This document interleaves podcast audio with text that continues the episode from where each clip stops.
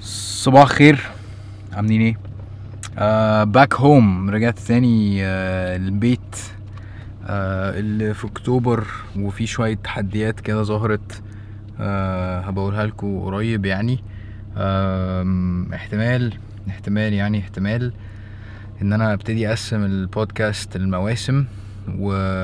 واحتمال ان انا ابتدي اعتبر ان الموسم دوت قرب يخلص آه لكذا سبب علشان ما احسش ان انا بجري ورا نفسي واحس ان انا آه يعني الدنيا ايه مش عارف الاحق على الحلقات و... وكلام زي ده وفي نفس الوقت عشان اطور وعلشان ابتدي مثلا آه، اخلي ال- البودكاست يبقى بورتبل شويه اقدر اتحرك اروح لناس ممكن اسافر ممكن ابتدي ادخل مثلا حاجات بالانجليزي لسه مش عارف محتاج اخطط شويه وفي نفس الوقت علشان السيت اب بتاعي في روم آه، المكان اللي انا كنت بصور فيه آه، اتغير آه، وجيت اكتوبر وكده فلسه لازم اظبط لنفسي سيت اب جديد ومكان جديد فكل ده محتاج تخطيط هيبقى صعب عليا ان انا يعني آه، اعمله كده وانا ماشي كده يعني محتاج حاسس إن انا محتاج اقف شويه يعني كمان عشان في الفترات اللي فاتت لما كنت بعمل محتوى باستمرار كنت باجي في فتره بهنج خالص فمش عايز ده يحصل تاني يعني أم، الحلقه دي ان شاء الله هتبقى مع آه، مصطفى ابو سمره مصطفى ابو سمره رائد اعمال آه، يعني انا بحبه جدا لان هو مجتهد جدا جدا آه، هو اللي ع- يعني عمل آه، المطعم آه، اللي اسمه عيش وجبنه آه، المطعم اتشهر جدا مؤخرا ما شاء الله يعني ولسه فاتحين فرع كمان في في- في اسكندريه في الساحل الشمالي فالتجربه بتاعته دي انا محتاج انا شخصيا محتاج اتعلم منه فيها ومحتاج اساله عنها آه، و وكونه اكيد عنده تجارب سابقه برضه محتاج اعرف التحديات اللي قابلته عشان يعمل مشروع ناجح في ظل الظروف اللي كلنا بنمر بيها يعني آه، والتحديات اللي حوالينا يعني الفيديو ده برعاية ساعة وساعة آه، شركة سياحة آه، مصرية آه، بيطلعوا رحلات جوه وبره مصر آه، اللي متابع البودكاست هيبقى عارف انه آه، انا اتكلمت كتير عن الكوميونتي بتاعهم وان هم آه، اقوى حاجة هم بيقدموها ان انت بتطلع مع كوميونتي من ناس شبهك والرحلات اللي انت بتطلعها آه، يعني الهدف الرئيسي منها ان انت تهاف فن بس في اطار ان انت ما ما تعملش حاجه غلط آه، ما تشوفش حاجه مش عاجباك ما تغضبش ربنا آه، رحلاتهم دايما آه، بيحاولوا يهيئوها بالطريقه دي و و- وبيحاولوا يظبطوا السيت اب بحيث ان انت كواحد مسلم يعني آه، تحب تطلع معاهم من غير ما تفكر بقى في ان انت آه، رايح مثلا قرية سياحية طب هبص على حاجة مش عجباني طب مراتي هتهفن ولا لا وكل الكلام ده فادخلوا في الديسكريبشن شوفوا الرحلات بتاعتهم وشوفوا اللينكس بتاعتهم دايما بينزلوا حاجات جديدة في سبونسر تاني وهو الباترونز او الناس اللي بتدعم البودكاست على باتريون حاليا احنا آه، كسرنا ال 80 داعم او 80 سبورتر يعني فاللي الناس دي بتعمله آه، ان هي فعليا آه، بتخليني بشكل رئيسي او بتدعمني بشكل رئيسي ان انا استمر وان انا ابتدي اعتبر البودكاست والميديا بتاعتي دي حاجه آه، فعليا آه، اقدر اخليها فول تايم واقدر اديها تركيزي كله من غير ما اقعد اعمل حاجات فريلانس او اشتغل شغلانات تانية بجنبها تقعد ايه تقعد تاخد من تفكيري وما اقدرش ادي الكونتنت اللي انا بعمله 100% فشكرا ليكم شكرا للباترونز آه لو عايز تبقى واحد منهم وتشوف الابديتس اللي انا بنزلها على باتريون وتشوف الاكسكلوسيف كونتنت اللي بينزل هناك آه ادخل في الديسكربشن هتلاقي اللينك الاولاني هو باتريون ويلا نبتدي الحلقه آه، ازيك يا مصطفى عامل ايه؟ ايه الاخبار اخبارك انت ايه؟ الحمد لله آه، قرب كده المايك سيكا مننا؟ اه تمام هو انت ماشي انت سامع صوتك فانت لو الصوت آه، حسيته واطي آه، اقرب منه على طول بالظبط كده اوكي تيست تيست تست ماشي. تست تست آه انا بتحمس ان انا اجيب ناس انا مع يعني انا ش يعني انا شايف ان هم ناس آه المفروض الناس تعرفهم اكتر وناس آه ناجحة في المجال بتاعها بس مش شرط يكونوا بابليك فيجرز Yes. وانفلونسرز والكلام ده كله آه، فمؤخرا جبت فعلا كذا حد من الناس اللي معروفه ومش عارف ايه وكده آه، بس النهارده آه، انا جايب مصطفى عشان آه، فعلي فعليا اتعلم منه يا ريت كويس. والله مين هتتعلم مني مين مين مصطفى ده ف ف يعني البودكاست بالنسبه لي رحله شخصيه عشان انا نفسي أوكي. اتعلم فالايام دي او ال- ال- الحلقات اللي ببقى جايب فيها ناس آه، زيك مثلا اوكي ببقى فعلا جايبهم عشان اسالهم عشاني اوكي فاهم قصدي أوكي. احيانا كتير باخد اسئله من الجمهور عشان الناس عايزه تسال الشخص الفلاني دوت اوكي بس النهارده انا جايبك عشان انا اللي اسالك يعني اوكي اوكي ماي بليجر الله يكرمك آم، مصطفى آه، من الفاوندرز او من الكو فاوندرز بتوع عيش وجبنه مظبوط بس انا بحس انه مش ده اللي بيعرفك بس او او Yes. او دي الحاجه اللي ايه اللي على السيرفس كده بس يس فاهمني فانا جاي عشان اعرف ايه اللي ايه اللي ادى بيك آه للمطعم اللي انت فتحته من سنه تقريبا من سنه ونص بالظبط كده تقريبا سنه ونص يس والظاهر لينا من بره يعني ان هو هو المطعم ده في التجمع يعني هنتكلم عن تفاصيله اكتر دلوقتي بس ايه سريعا كده الظاهر لينا ان هو ما شاء الله محقق نجاح قوي حقيقة الحمد لله ما شاء الله تمام يعني ممكن نكون من التوب 1% سيلينج ريستورنتس في مصر حاليا نايس ما شاء الله من توب 1% ايه سيلينج ريستورنتس في مصر اوكي يعني من Yes. اكتر من من من توب 1% المطاعم اللي اللي بتبيع في مصر حاليا عشان الناس بتطرقوا علينا على الانجليزي بس اه ماشي من النسبة الواحد في المية من أعلى واحد في المية بيبيعوا في المطاعم في مصر ما شاء الله حلو جدا يس. آم، عايز اعرف ايه ال- اللي وصلك لمرحله ان انت في سنه ونص ما شاء الله تفتح مطعم في سوق زي اللي احنا فيه ده حقيقة آه، وفي مجال صعب جدا حقيقة واي حد وابن عمه بيفتحوا مطعم في م- Yes. م- مثل بالانجليزي كده بس انا ترجمته برخص كده بيقول لك everyone and his mother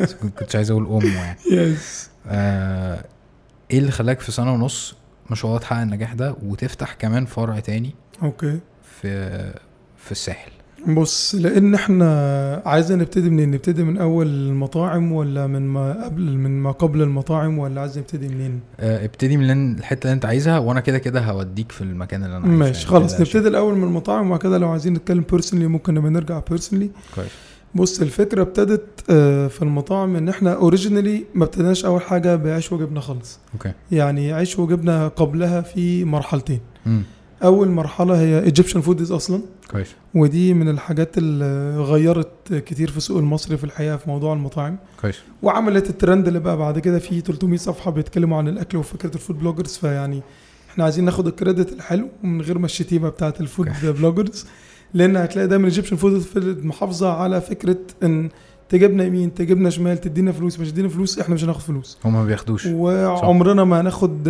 ولا حاجة هنجي لك ببلاش. حتى بانفيتيشن ولا باي حاجه ليه لاسباب كتير منها ان احنا الناس كلها عملتها وهي حابه الموضوع مم. آه، منها ان احنا بنروح زي اي جست عشان ناخد نفس الاكسبيرينس وكده فايجيبشن فودز ابتديناها حقيقه تقريبا 2014 اوكي وبعد كده كان الموضوع ابتدى بان هي كانت قصه لذيذه احمد مجدي واسلام سلامه وعدني بتحبوا الاكل كان كل ما احب اروح اخرج في حته اكلم مجدي او اسلام او عدني او اماني نخرج فين يا جماعه او مش عارف ايه وفا يقول لي يا عم لو هتروح تاكل سوشي روح مش عارف فين لو هتروح تاكل كباب وكفته روح مش عارف فين اوكي فالموضوع قلنا طب ما نقلبه يا جماعه ايه ما تيجي نعمل بيج وكان الموضوع في الاول هزار تماما يعني وتهييس وكل حاجه لحد ما كان في مايلستون مشهور جدا البوست بتاع صبحي كابر امم صبحي كابر احنا كان طول عمرنا لحد 2015 بنروحه وهو في رود الفرج ست سبع ترابيزات مم. تروحش اكتر من كده ففي مره نزل بوست بتاع آه، شارع الاكل كويس البوست ده طبعا اللي خلى صبحي يعني ما شاء الله دلوقتي يعني انتوا السبب في ال اه طبعا ده لحد دلوقتي صبحي حتى في التلفزيون حاجه لما بيشوف اسلام يعني بيعزمه على فرحه وبيعزمه على كل حاجه ولان فعلا من اسباب الرزق الكبيره يا صبحي مم. ايجيبشن فودز ما شاء الله البوست فايرلي من غير احنا عمرنا كنا بنصرف على ايجيبشن فودز كان عامل حوالي 38 الف شير يا كان عامل ف- فانت عارف بقى ده رزق خلاص فاهم ففجاه بتروح صبحي كابر تلاقي بقى الناس والفيديوهات وال شارع. خلاص شارع مم. الاكل فعلا فاهم فمنين انت كنت ست سبع ترابيزات للمنظر اللي انت وصلت له ده مم. وايجيبشن فوز كان ساعتها حوالي بالظبط 42000 واحد فجاه في اسبوعين بقت 200000 بني ادم يا كل ده فايرل والدنيا انطلقت وكده الكلام ده في 2014 الكلام ده 2014 ده ارقام كبيره جدا يس يعني. مم. طبعا آه فدي كانت مرحله اولانيه وفضلت الموضوع بقى ايجيبشن فودز وبنى الترند بتاع الريفيوز والفود ريفيوز والفود بلوجينج وانضم لنا بقى صلاح وانضم لنا مش عارف مصطفى صبحي ون... يعني ناس كتيره بقى من الفود بلوجرز لا ان الموضوع لذيذ وهم شباب كلهم جمال صلاح مش محمد صلاح اكيد لا اه صلاح اللي هو الرحاله تمام تمام فبقى خلاص الموضوع انتشر وبقت ايجيبشن فودز بتنزل تريفيو ناس كتير مم. يا بتنجح مطاعم كتير جدا يا بتفشلهم بسبب ان هم مش جاهزين يعني انتوا انت بتعترف ان انتوا عندكم القوه دي طبعا لا لا احنا كان ايجيبشن فودز بالنسبه للناس ليها تاثير في الشارع مرعب يعني اوكي آه طبعا التاثير قل حاليا بعد الالجوريزمز الجديده بتاعت فيسبوك وكده بس يعني تتكلم لحد من سنه ونص سنتين مم. انت مينيمم مينيمم يعني انكريس في السيلز 200 و300% واو يعني حتى ايفن زو مره نزل بوست على ايجيبشن فودز لعيش وجبنه وبعد ما خلاص واحنا كاتبين ان خلي بالكم ان في ناس في ايجيبشن فودز هم ليهم نسبه في عيش وجبنه وان وان اتليست سيلز انكريس كان مش اقل من 30 40% Hmm. مم. تمام فدي كانت مرحله بعد كده حبينا الموضوع انا طول عمري كنت شغال قبلها في الكونسلتنج بزنس كونسلتنج يعني كنا مثلا حازم عنده بزنس فكان بيجي لي وانا كان عندي بزنس موديل مغري جدا للناس بعيد انا كان بيتنصب عليا كتير فيه بس انا كنت دايما مؤمن بنظريه كده يعني كان حتى ابويا معلماني حتى وانا ابقى امبلوي دايما يقول لك اهم حاجه وانت بتاخد فلوسك Hmm. مم. تحط صباعينك الاتنين في عين اللي بيديهم لك ماشي. فكانت دايما النظريه بالنسبه لي وانت امبلوي خليك النجم في الشركه إيه. اوكي وانت كونسلتنج انا مش هدي لك ايه هعمل لك استراتيجي وفاينانشال بروجكشن ومش عارف ايه واخد منك 100000 جنيه لا اول موضوع بس أنا كنت باجي للناس آه كنا بنعمل حاجه لذيذه جدا وعملت الموديل ده عملت ريبليكيشن في المطاعم وهحكي لك فعملنا شركه اسمها ذا فودز Hmm. مم. دي منفصله تماما عن ايجيبشن فودز تمام ودي كانت بتعمل كونسلتنج للناس في مجال المطاعم ماشي قعدت انا ساعتها حوالي 3 4 شهور ما بعملش حاجه غير ان انا بذاكر اونلاين ايه الاوبريشنز وايه المنيو انجينيرنج وايه ال الاف او اتش يعني كل ما له علاقه بالمطاعم 3 4 شهور بذاكر بقى عندي ايه يعني مم. نقدر نقول صوره عامه من غير كل التفاصيل في المطاعم كويس تمام وبقيت اقابل ناس في المطاعم اللي هي مين اللي شايفين ان فيها بوتنشال Hmm. مم. بس هو الراجل بيقفل يعني انت عندك ارقام مرعبه لو اتكلمنا في الستاتستكس كمان شويه ان فكره سوق المطاعم في مصر هو سوق مرعب يعني الناس فاكره ان ده المطعم اللي فيه آه، فيها فلوس مم. لا هو خلينا نقول الكلمه واقعيه انت لو احنا بنتكلم ان في 100 مطعم في مصر مثلا وكده نسبهم انت عندك تقريبا اللي بيكسبوا زي المخدرات هم 1 او 2% Hmm. مم. وعندك بعد كده 3 4% بيكسبوا ار او اي محترم 50% 60% انما التوب 1% اللي كله بيحلم بيهم اللي هم كريف آه بول آه عنب بيروت في الاخر انت لو عديتهم هتلاقي نفسك مش هتعد 30 40 مطعم Hmm. مم. من ال 7400 مطعم اللي موجودين كويس تمام فبالتالي الموضوع مش مغري قوي زي ما الناس ما فاكره مم. ليه لان انت خساره المطاعم عندك مرعبه لان انت بتخسر اهم حاجه في المطعم فلوس بتروح فين في التشطيب Hmm. مم. فانت بتخسر 70 80% من تشطيب مطعم في اللي هو البداية. في البدايه مم. فلو ما كملتش انت بتسيب المطعم وتمشي كويس والانفستمنت بتاع المطعم كبير يعني زمان قبل التعاون كان ممكن يبقى 2 مليون ده يعمل لك مطعم انما دلوقتي مينيمم بتتكلم في 5 6 مليون جنيه مم. فالموضوع مبقاش بسيط مش فكره ايه يلا يا جماعه نعمل مطعم يعني فاهم اوكي ولا هتعمله بقلب يعني حلو تمام فاللي حصل ساعتها ان احنا كنا بقينا نروح للناس نقول لهم طب بص يا معلم انت بتبيع بكام في الشهر Hmm. مم. يقول لك انا ببيع في الشهر 100000 جنيه اقول له ال 100 بتوعك ماليش دعوه بيهم انا اخش اعمل لك ري انجينيرنج لحاجات كتير منيو براندنج آه، ديجيتال ميديا استراتيجي كل بقى ما هو له علاقه ناخد له المنيو اول نجدده ونشيل اللي ملوش لازمه ونحط له الصح ونظبط له الفود كوستنج بتاعه انت كنت بتترعب مثلا انك تلاقي مطاعم بيبيع ايتمز هو لما يبيعها بيخسر فيها Hmm. مم. وهو مش عارف هو مش عارف هو بالنسبه له ايه انا مثلا لو فاتح مطعم هنافس كريف كريف يا معلم بيبيع س- طبق الفراخ ده ب 70 جنيه طب انا هضرب كريف ب 55 ما تمشيش كده ابدا يعني البرايسنج استراتيجي في المطاعم دي فيها تعقيدات كتير جدا من اول السيلينج والفلور برايسنج وانك تحسب الكومبيتيشن وتحسب الفود كوستنج بتاعك والرنتل والأف... يعني الموضوع مم. معقد جدا فاهم مم. فالناس كانت ايه هو يعني كريف بيعمل ايه بيعمل جريل تشيكن وجنبيه مش عارف ايه طب بص ب 50 جنيه 48 جنيه كده ضربت Hmm. مم. طب انت عارف تكلفه ابن الفرخه اصلا عندك كام؟ مم. عندك عندك عندك هو كل ده بالنسبه له بلح كويس فاللي كنا بنعمله احنا ناخد المنيو نعمل له ري انجينيرنج نلغي له الحاجات اللي طعمها وحش نحط له حاجات طعمها حلو نكريت له ايتمز كتير مختلفه وهكذا واي حاجه فوق ال 100 بتاخدها انت بناخد احنا 50% من الارباح فيها اوكي يعني 50% انت مثلا من من, الزياده من اوكي, ال- زياده الارباح أوكي. يعني انت مثلا بتبيع ب 100 بعت بنص ال 400 دول فيهم مكسب مثلا هنفترض ان هم 150 الف جنيه احنا هناخد 75000 اوكي ما بعتش لا ضرتك ولا ضرتني حلو وانت بتتمرن بالظبط مم. تمام واخدنا بقى سكسس ستوريز كتير يعني ممكن نذكر على سبيل المثال سواء ويلز ولا تاجوري ولا لارندوري ولا كذا حد من البراندات اللي فتحناهم مم. وقعدنا كنا فيري بيكي في اختيار البراندز يعني يعني ل- لارين لاريندوري اللي احنا عملنا أيوة، أيوة أيوة. ريبراندنج اللي هو مش ال- الفرنسي دوت ومش عارف إيه. بالظبط مش اللي هو القديم يعني هما كانوا تو مم. براندز انفصلوا عن بعض فعملنا ريبراندنج إيه. يعني عملنا مين انت ليك بارتنرز فودز اه كان معايا عدني واسلام سلامه ودول الثلاثه بارتنرز وصالح اوكي البارتنرز الاساسيين في آه مم. في فودز وكان معانا بقى تيم كامل شغال معانا بقى بكر وشادي ويعني كذا اوكي حد وانت ومختلف. ال- ال- الاستراتيجي اللي انت بتحطها للمطعم آه، انت بتحط بتحطها مره واحده او مثلا بتاخد 3 احنا 4 بناخد يعني تلات شهور أربع- بالظبط كده احنا كان الكور بتاعنا في البدايه دايما يعني كنا نتعب ثلاث اربع شهور في الاول مم. وبعد كده بتلم بقى إيه؟ الايه بتلم يعني انت خلاص بقيت شريك اولموست شريك في الارباح اكويتي ماليش ل- لمده قد ايه كان الاتفاق دايما بس قبل ما يتنصب علينا في حاجات كتير ومش عارف ايه ان هو الاتفاق ان ال- الديل لا يفسخ أوكي. طول ما انا بعمل سكسس ستوري معاك الديل لا يفسخ يعني انت ب- بشكل متجدد انت بتروح تزور المكان وبت ب- بت بتانلايز احنا كنا على الدنيا. طول طول الشهر طبعا اناليسيس بالسيلز بايه الجديد بقى هنعمل ايه بنجدد ازاي يعني انت شريك فعال دايما اه طبعا اوكي انا بحسبك ب- بتعمل لقطه وتمشي لا وخلاص لا ده يعني احنا كان عندنا تو مودلز مافيا اه لا كان عندنا تو مودلز في موديل اللي هو انا عايزك تعمل لي كونسلتنج يا معلم ومالكش دعوه أوكي. بيا ماشي فانت عايز مني ايه فكان مثلا حازم يجي لي يقول لي بص انا معايا 4 5 مليون جنيه وعايز اعمل مطعم تمام طب عايز تعمل مطعم ايه ما عنديش فكره طب تمام. تمام. عايز اعمل مش عارف ايه فاحنا كان عندنا اصلا جزء من مذاكرتنا يعني من الحاجات اللي كانت فارقه معانا جدا ان احنا كان عندنا كده في مره ممكن ابقى اوريها لك القاهره كلها شارع شارع مكان مكان محل محل هو بيبيع ايه مم. وفين ومثلا لو عايز تقول لي عايز ابيع سوشي مم.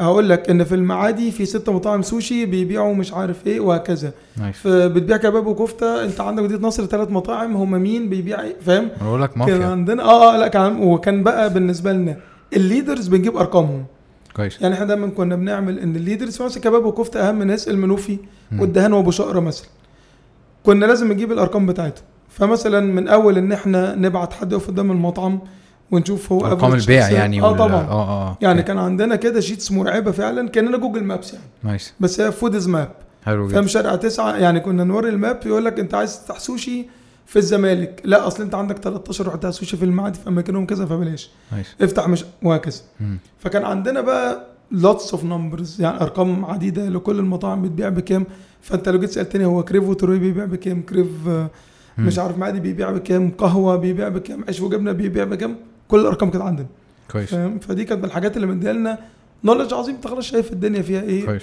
عندك انت انت تفاصيل. بتجمع المعلومات دي عشان تستخدمها في الكونسلتنسي بالظبط مع- كل ده كان قبل فكره عيش وجبنه وكدوشه والحاجات بتاعتنا خالص انت بتتكلم في فعل ماضي كتير انتوا خل... قفلتوا وقفنا للاسف فودز يعني احنا عملنا هولد لحد اخر 2019 او لحد 2020 لسه هنشوف الدنيا ماشيه ازاي مم. بسبب ان احنا اخذنا فود اند كومباني اللي هي بتملك عيش وجبنه وكدوشه واحنا المسؤول عن ادارتها يعني مش فاهم بص احنا كنا طول عمرنا بنعمل كونسلتنج ونتابع معاك بس ما بنشيلش هم الاوبريشنز يعني ايه مم. ما تلاقيش واقف جوه المطعم اوكي انا شغال معاك ايه برايسنج آه نالايز السيلز ونشوف الايتمز اللي ملهاش لازمه نلاحظ الايتمز اللي بتخسرنا نشيلها بنشتغل ماركتنج استراتيجي هننزل نعمل اعلانات في اطلب ولا ما ننزلش مع اطلب نعمل في بس ما المنيوز؟ بتنفذش حاجه ما نفذش حاجه بايديا مم. كان ساعتها بيبقى الاونرز والاوبريشن مانجر بتاعه هو ده ايدينا اللي بينفذوا في القصه عيش وجبنه وكدوشه واي حاجه لها علاقه بالكومباني الموضوع مختلف احنا شايلين الجمل بمحمل مم. من اول كرييشن الكونسبت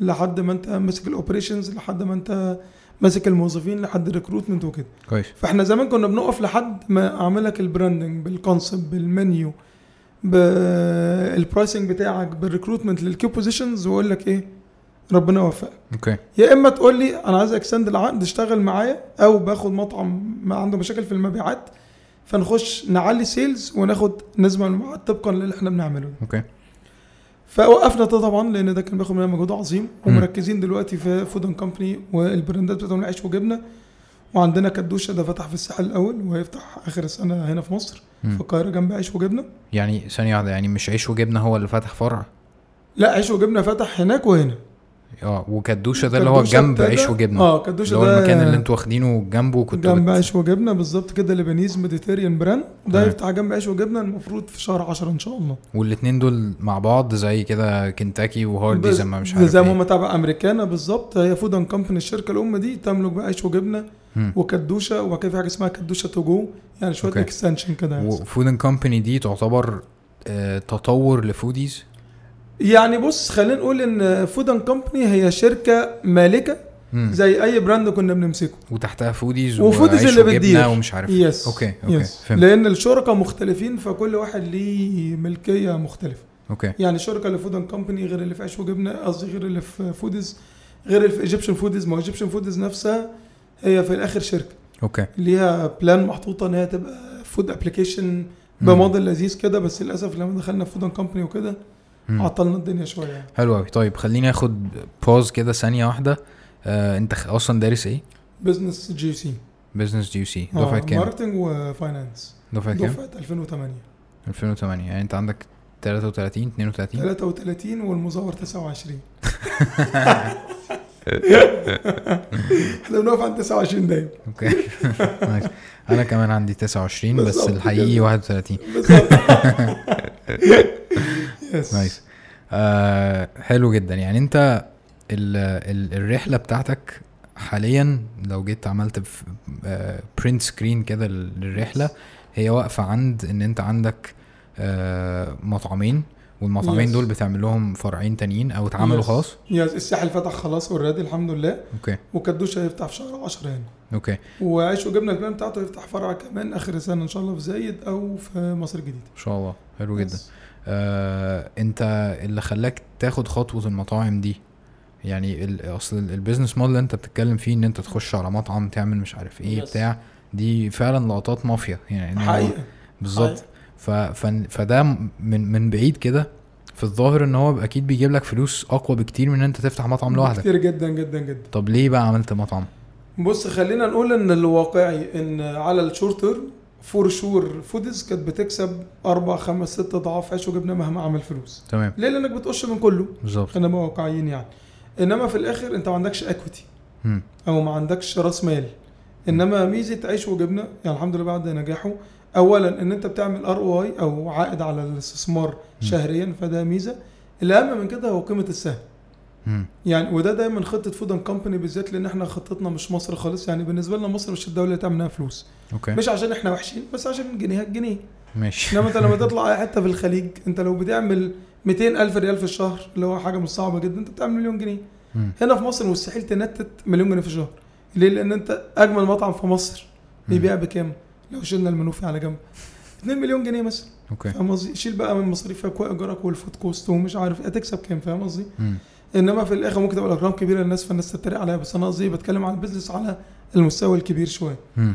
انما في الاخر بره انت لو عملت سكسس ستوري بره لا الفلوس مختلفه خالص يعني انا أنا ما فهمتش برضو فكره يعني ليه ليه لازم يبقى عندك راس مال برضو اه مش- ما انا خليني اكملك فالفكره ان في الاخر انت بتعمل فلوس بس بتعمل فلوس شهريا لو لا قدر الله انت مت انت بقيت عامل عارف زي الدكتور الشاطر مم. هو صنايعي في الاخر معتمد على وانا نفسه. كونسلتنج وانا صنايعي في الاخر مم. فاهم انما انت في الحقيقه ما عندكش يعني دايما اقول للدكتور الشاطر اللي يعمل ايه مم. مش اللي يفضل يعمل عمليات هو آه، انا اجمد دكتور في مصر مثلا بس في الاخر لا قدر الله يعني بعد عمره مديد وي وي وشويه الكلام الحلو الامور ده لو انت مت مم. خلصت مفيش دخل اوكي فاهم زي السباك وزي بتاع مع كل التقدير والاحترام زي الكونسلتنج كويس انما لما عندك براند مم. في الاخر هي بقت شركه مش مم. معتمده على وجود المخ بتاع ابو سمره او مش معتمدة على وجود اسلام سلم او مش معتمدة- وهكذا مم. انت عندك براند اه هت... هيطلع عينيك فيه سنتين ثلاثة أربعة خمسة بس أكيد بعد فترة لما تبقى شركة كبيرة عندك سبع تمن آه، فروع لعيش وجبنة وسبع تمن فروع لكدوشة وفتحت براند تالت بيعمل مش عارف منيو مختلف وعملت مش عارف ايه مم. وانت كبرت مرة شفت الباشن بتاعك فين اللي انا هعمله ان شاء الله في 2027 لو مش علاقه بكل ده ففي الاخر وانت عندك مم. 29 سنه ايوه بالظبط كده ففي الاخر انت عندك شركه بتجيب لك فلوس عندك اكويتي يعني مثلا عيش وجبنه اول لما احنا ابتدينا السهم كان ليه قيمه مم. بعد اللي وصل له دلوقتي القيمه مختلفه خالص على السهم الأقل ده انت ما, بد- ما فيش يعني انت ما, ما هياش شركه مساهمه ولا حاجه صح؟ هي شركه ذات مسؤوليه محدوده تمام إيه. آه. السهم اللي هو ان انا اخش معاك ومش اه ان عارف انت إيه. كان مثلا حازم آه، ابو سمره انت بتعمل الشركه المطعم مكلفك كام مثلا 5 مليون جنيه مم. طب انت مقسمها ازاي هم 100 سهم اللي هو 1% ال 1% دي مثلا ب 50000 جنيه تمام انما قيمه دلوقتي عيش وجبنه كسهم على الاقل اتضرب في 3 4 ان شاء الله فاهم قصدي فده فاليو حقيقي عارف زي ما لما بتشتري شقه مم. مثلا فور اكزامبل ايام زمان لما اشتري شقه في رحاب سنه 2002 مم. انت اشتريتها ب 200000 جنيه اجرتها في 2004 بقى يجي لك عائد شهري كل شهر مثلا 3000 جنيه ده العائد اللي بيخش لك بس مم. هو في الحقيقه في 2015 غيرك بيقول لك ايجار تعبان اه 7 8000 جنيه ما يساويش بس الشقه قيمتها مم. من 200000 بقت على الاقل 3 4 مليون جنيه كويس فانت كسبت المنصلي او ال- العائد الشهري مم. الشهري وكسبت قيمه السهم اللي تضاعف مم. والبزنس الحقيقي دايما في الحقيقه مم. مش المكسب الشهري يعني خلينا واقعيين مهما كسبت هتكسب كام مم. انما الاسهم يعني لو جبنا سيره ناس كتير فكره فيسبوك وفكره اوبر وفكره وفكره وفكره في قيمه الاسهم اوكي فاهم قصدي يعني هو مارك ليه رقم ثلاثة على العالم ولا مش عارف بقى كام هو في الاخر ليه كام في فيسبوك 23% تقريبا مم. بس في الاخر الشركه قيمتها مش عارف 60 80 الف بليون دولار فخلاص طب وانت بتستفيد من الموضوع ده ازاي؟ لان آه حاجات كتير منها اوبشن ان انت على طول بيجي لك دايما لما يبقى انت عندك شركه ناجحه مم. بيجي لك العديد من المستثمرين او بيجي لك الانفستمنت فاندز او بيجي لك ال- آه، يعني بيجي لك ناس كتير عايز يستثمر اوكي او بيجي ياخد فرانشايز لو تمام. انت فاتح باب الفرانشايز بس احنا قافلينه او أوكي. بيجي لك ياخد مش عارف فكل ده بالنسبه لك مم. هي دي الفلوس الحقيقيه اوكي فاهم ليه لان انت في الاخر اقل حاجه هتبيع فرانشايز اقل حاجه هتبيعه بكام مم. مليون جنيه مقفولين غير الار او اي زي ماكدونالدز مم. فاكر ماكدونالدز الحقيقيه في ان ار او اي بتاعه في البورصه والفرانشايز اللي في كل حته في العالم ببيع مستر فرانشايز ببيع يعني هو بيكسب من فرانشايز طبعا مم. اهم حاجه مش- يعني آه. ماكدونالدز في الاخر يملك مهما كان يملك كام حاجه مم. يملك امريكا مثلا وكندا فور- ما اعرفش عن تفاصيل طبعا بس في الاخر مم. الشرق الاوسط آه، ليه وكيل والسعوديه ليها مم.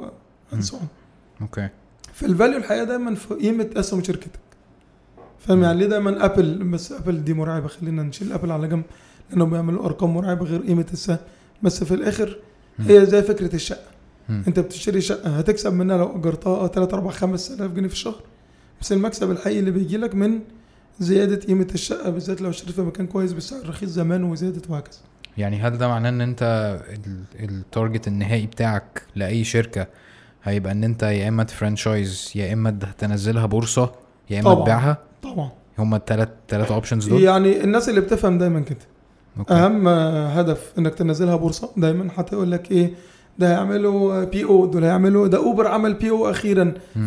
فخلاص انت نزلت بورصه اسهم كتير حتى طلعت مصطفى زمان مم. يعني طلعت مصطفى كان محتاج فلوس مم. لا طبعا عملها بورصه فاهم قصدي زي الشركات الحكوميه ال- المفروض اللي ناجحه مم. لان البورصه تفرق جدا مم. جميل او الحل التاني انك بتدخل معاك انفستمنت زياده بس انت ساعتها ايه ما بتبقاش بنفس القيمه مم. يعني انت مثلا انا عملت انفستمنت توتال في الشركه دي مثلا 10 مليون جنيه مم. بس وصلت مرحله ان انا عندي سبع فروع وثلاثه براندز وكل براند عنده كذا فرع وفتحنا في السعوديه وفي الجزائر وفي كندا وفي امريكا مم. انت متخيل بقى قيمه الانفستمنت كام مم. مم. ال 10 مليون دول مينيمم هيبقوا 200 300 مليون جنيه كويس فاهم وعندك ناس في مصر كتير عملت القصه دي و... وعملوا ارقام مهوله مم. لا كريم مثلا اقرب حاجه ليها كريم في الاخر مهما كانوا حطوا فلوس حطوا كام يعني يعني 10 20 30 50 100 مليون دولار 200 مليون دولار في الاخر الفالويشن بيتكلم في 2 بوينت 2.2 بليون باين اه حاجه زي كده آه. 2.2 بليون دولار يعني فاهم مم. فانا افتكر لو كان لها 10% حتى احنا اصحابنا اللي نعرفهم اللي هم ليهم مش عارف نص في المية وربع في المية وثمن في المية مم. لا كلهم راحوا حتة تانية هل ده تفكير مختلف للبيزنس ولا هو ده التفكير الوحيد يعني فا- يعني مثلا انا بخش بيزنس عشان انا بحب اعمل دوت وعندي باشن معين وعندي مش عارف ايه آه، رغم ان انا مؤخرا بقيت بجزع من كلمه باشن جدا يعني حقيقة انا بقول لك انا الباشن بتاعي في حتة تانية خالص ما انا هاجي لل... Yes. هاجي الحته دي آه، ف- فهل انا لازم ابجريد تفكيري ان هو يبقى زي ما انت بتتكلم كده البيزنس ولا بتاعك هو بيزنس تجيبه يمين تجيبه شمال مم. هو بيزنس اوكي مش مراتك يعني تمام فاهم فهيجي له وقت انك الصح يعني تبيعه في الوقت الصح يا اما ممكن تلبسه كله بس مم. هي بقى فكره تبيعه ولا ما تبيعش وتبيع قد ايه و... وتسيب المانجمنت تاخدش المانجمنت دي بقى عوامل كتير ممكن نقعد نفكر فيها بتختلف من مكان لمكان ومن بزنس لبزنس والبوتنشال قد ايه لان مثلا في حاجات كتير يعني مثلا احنا ايجيبشن فودز مم. جالنا كذا اوفر ان احنا نبيعها كويس تمام بس في الاخر احنا وي بليف ان هي فيها بوتنشال عظيم مم. مقصرين معاها ان احنا ما قلبناش بزنس ولسه عاملينها باشن وحب وكل حاجه بس خلينا واقعيين ما ايجيبشن فودز دلوقتي زي زمان مم. لا لما الدنيا غليت وبقت المطاعم غاليه وكل واحد بقى عامل شركته وبتاع ما بقاش حد بي- بيركز معاها مم. انما وي بليف ان فيها بوتنشال عشان هي اب هيبقى جديد جدا ليها العديد من الموردين واللويال كاستمرز اللي عارفين قد ايه انت يا اما خدمتهم من غير ما تاخد من وراهم ولا مليم فبالتالي بتعمل ابلكيشن انت الموردين بتاعك موجودين اوريدي مم. فاهم فلما جالنا كذا اوفر من ارقام مرعبه يعني احنا جالنا في مره في ايجيبشن فودز دي حوالي مليون دولار كويس يعني لو حسبنا بقيمه الدولار ساعتها كانوا عايزين ياخدوا البراند ويعملوا بيه حاجه ويعملوا هم يكملوا بيه حاجه من الحاجات اللي حصل فيها بيع بس كانت كونفيدنشال يعني مش هينفع نقولها اوكي بس من الحاجات اللي في سوق الابلكيشن بتاعت الاكل اللي اتباعت مم. وهكذا جالنا كذا اوفر في الموضوع ده كويس ليه لان انت كان عندك فايراليتي مرعبه يعني مم. احنا كان عندنا الانجيجمنت الاورجانيك كان بيعدي 180% من الفنز اللي على الصفحه كويس فده طبعا بالنسبه للناس لو انا كنت بحسبها حتى وانا بصرف كام ادز على الفيسبوك مم. فلو جبت اورجانيك هيبقى احسن ولا لا مم. غير الباور اللي كان على الارض بقى هو كان في حاجه اسمها تراستيوس طبعا دي دي كانت ايه علاقتها بفوديز او ايجيبشن فوديز لا ما كانش ليها علاقه بس كانت تجربه يعني من التجارب اللي احنا فشلنا فيها فشل ذريع انت يعني, كنت انت كنت فيها يعني دخلت متاخر بس أوكي. أوكي. كنت بقيت بارتنر مم. وبس ما كنتش من الاوائل يعني كان ابتداها يوسف وعمر مم. وانا حصلتهم متاخر شويه ومن الحاجات اللي احنا يعني فشلنا فيها فشل مم. من اسباب مثلا الفشل في دراسه دي لو عدينا من الحاجات ان احنا كان في بعض الاوقات جالنا اوفرز انك تبيع بارقام لذيذه جدا اوكي بس ساعتها بقى كان ايه احلام آه. ان احنا مش هنبيع غير لما نبقى ب 100 مليون جنيه وفيسبوك ده مارك ده هنوريه له احنا فاهم مم. في فتره كده للاسف في مصر حصل هوجة انتربرنور شيب كده سيئه مم. انا يعني بعيدا عن ممكن اصحابي يزعلوا من الكلام ده لان انا وسطهم لسه لحد دلوقتي بس ايه بقت فكره مارك مين يا معلم ده احنا آه. هنعلم عليه بالظبط فاهم ف- لا يا جماعه الموضوع مش كده يعني مارك دوله اصلا يعني مش اقل كلمه يعني مم. بدون احنا متاكدين مش متاكدين بس في الاخر مارك دوله يعني مم. مارك دوله وجوجل دوله وكل أكيد الحاجات طبعا. دي دوله يعني اكيد فاهم انما انت هنا باكد اصلا يعني ايكو سيستم ضعيف و... والارقام اللي في البلد ضعيفه والارقام الانفسترز اللي هنا ضعيفه ويجي لك بالظبط. واحد هديك 50 دولار آه، واديك واخد 2% يا ابني ده مش فاهم؟ وطبعا كان في مشكله ان ودي من الغلطات اللي انا كنت بقى- بقيت اقولها للناس لما حد بيجي يقعد معايا اي حد يبني بيزنس على فكره الجروس والارقام والبتاع صباح الفل يا معلم بيزنسك ما بيكسبش مالكش قيمه مم. يعني اكسب وتبقى مزاجك بيكسب عشان ما تبقاش دايما معتمد على لو الانفستمنت اتاخر انت هتقفل لو مش عارف ايه انت هتقفل لا أوكي. يا معلم اكسب يعني زي دي بقى المدرسه القديمه بتاعت ابهاتنا وكده بالظبط انت تجاره اللي انت بتتخانق معاهم وت... ايه والشغف ولا ومش بالظبط عارف ايه. كده لا يا معلم تجاره آه. يعني تكسب ايه مم. اكسب بقى 10 20 100 200 300 زي ما ربنا يفتح عليك بس البيزنس بتاعك مش معتمد على لو حازم ما جاش عامل معايا انفستمنت انا هقفل صح لو حازم لا انت خلينا نبقى واقعيين انت بقى لو هنتكلم مش هنتكلم عن البروفيشنال انفستمنت فاندز والمش عارف ايه حازم صاحب ابو سمر عادي خالص لو عرف ان عيش وجبنه ده مثلا هتحط فيه مليون جنيه هتكسب كل شهر نص مليون جنيه مثلا مثلا مم. انت تبقى عايز تيجي تنفست معايا ولا لا اكيد اكيد مم. انا بقعد اقول لك بص انا الجروس بتاعي هيوصل وعيش وجبنه بعد 13 سنه هيبقى عنده 47 فرع في كل حته طيب ماشي يا ابو سمره انما جيت اقول لك يا معلم انت هتدي مليون جنيه يجي لك كل شهر مثلا 100000 جنيه عشان احنا بنكسب ارقام مش عارف ايه مم. وادي الارقام تعالى بص وافتح الارقام وبص على اللي انت عايزه هو انت انت عشان توصل للارض الصلبه اللي انت عليها دي من المعلومات ومن الداتا اللي انت واصل لها وما شاء الله يعني ومن النجاح اللي انت واصل له اكيد لبست كتير جدا جدا طبعا يعني آه. بص لبست ونجحت في حاجات كتير وبعتها بفاليو اعلى من اللي اشتريت بيها وعملت انفستمنت فيعني لا لفيت كتير جدا مم. يعني انا بدايتي قديمه شويتين من وانا في المدرسه ماشي وبعد كده لما دخلت الجامعه اشتغلت من وانا في الجامعه يعني انا اشتغلت سيلز من وانا تانية جامعه تمام وقعدت ثلاث سنين سيلز تماما مم. وجات لا اشتغلت في الكونسلتنج سنتين سيلز ثلاثه ايه تالي تالي سيلز لا لا كنت ببيع آه، لا سيلز بس هاي اند شويه يعني كنا بنبيع كونسلتنج كنا بنبيع آه، تريننجز آه، بس للشركات زي آه، يعني مثلا كنا بننزل على مش عارف نقول اسماء ولا لا بس اي شركه مثلا نكريت لهم بروجرامز معينه مم. فمثلا يبقى شركه زي شركه اكس هي فاميلي بزنس والراجل ناوي يورث كل حاجه لعياله مم. وعياله مش دارسين اي حاجه واحد دكتور واحد هندسه واحد طبيب اسنان واحد اي حاجه مم. بس هو هيسيب الشركه لعياله فكنا مثلا نيجي نالف لهم نقول لهم احنا هنعمل لكم مثلا بروجرام اسمه ده جوكر بروجرام مثلا مم. ده فكرته ان احنا هناخد كل ولاد العيله انتوا اربع اخوات كل واحد فيكم عنده ثلاث اربع عيال هم دول اللي هيورثوا البيزنس هات لنا ال 16 ولد دول هناخدهم في بروجرام ست شهور هندي له بقى فاينانس ديب هندي له ماركتنج ان ديب هندي له استراتيجي ان ديب هندي له مش عارف ايه وده بروجرام بتشتريه بس فكنا بنكستمايز بروجرامز طبقا لكل شركه محتاجه ايه وكنا ساعتها بنبيع مين اللي مش للمالتي ناشونال المالتي ناشونال دايما كانوا بياخدوا الحاجات اللي احنا واخدينها فرانشايز ز- انما كان مين اللي- اهم حاجه من زمان المصانع اللي هو مم. الفاميلي بزنس اللي هو في الاخر الحاج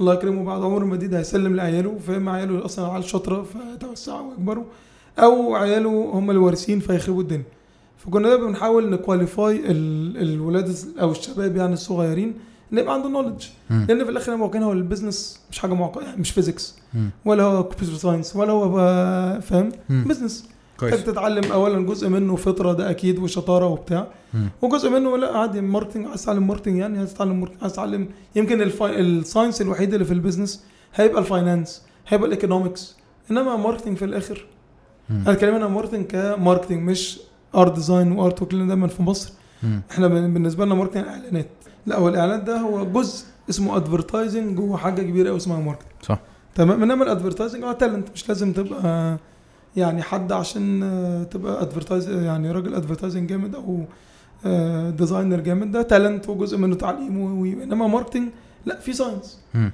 فاهم قصدي؟ فهي الفكره كده إن احنا بناخد الناس ودي كانت بدايه سبتها اشتغلت في شركه كونسلتنج قعدت حوالي سنتين برضو مم. كنا بقى بنعمل ريستراكشن للشركات بنعمل استراتيجي للشركات بتعمل وات نوع السيرفيس مم. وفي 2010 ابتديت انفصلت بقى وابتديت البرايفت بزنس اللي هو اول حاجه آه، كنا عملناها كنا عملنا حاجه اسمها سي دي اف سي دي اف دي الشركه اللي كانت آه، مالكه لتريليوم وناتي ساينتس ايجيبت وبوستيف بارنتنج وبوستيف ديسيبلين مم. تقريبا يعني أوكي. دول كان معانا دكتور فاضل وشيرين مدام شيرين دكتور فاضل, فاضل سليمان اوكي ودي من الحاجات اللي عملت بومينج آه، ستوري عظيمه بعنا يعني هم بقى بعد كده انا طلعت وبقى هم ناتي ساينتست انفسترز تانيين مم. وانا لسه طبعا توسعت هنا في مصر وكان من اسباب الخلاف اللي مش مع- معروف قوي يعني وده يرجعنا لنقطه هو انت يا ابو سمره تكسب ولا تعمل شركتك مم.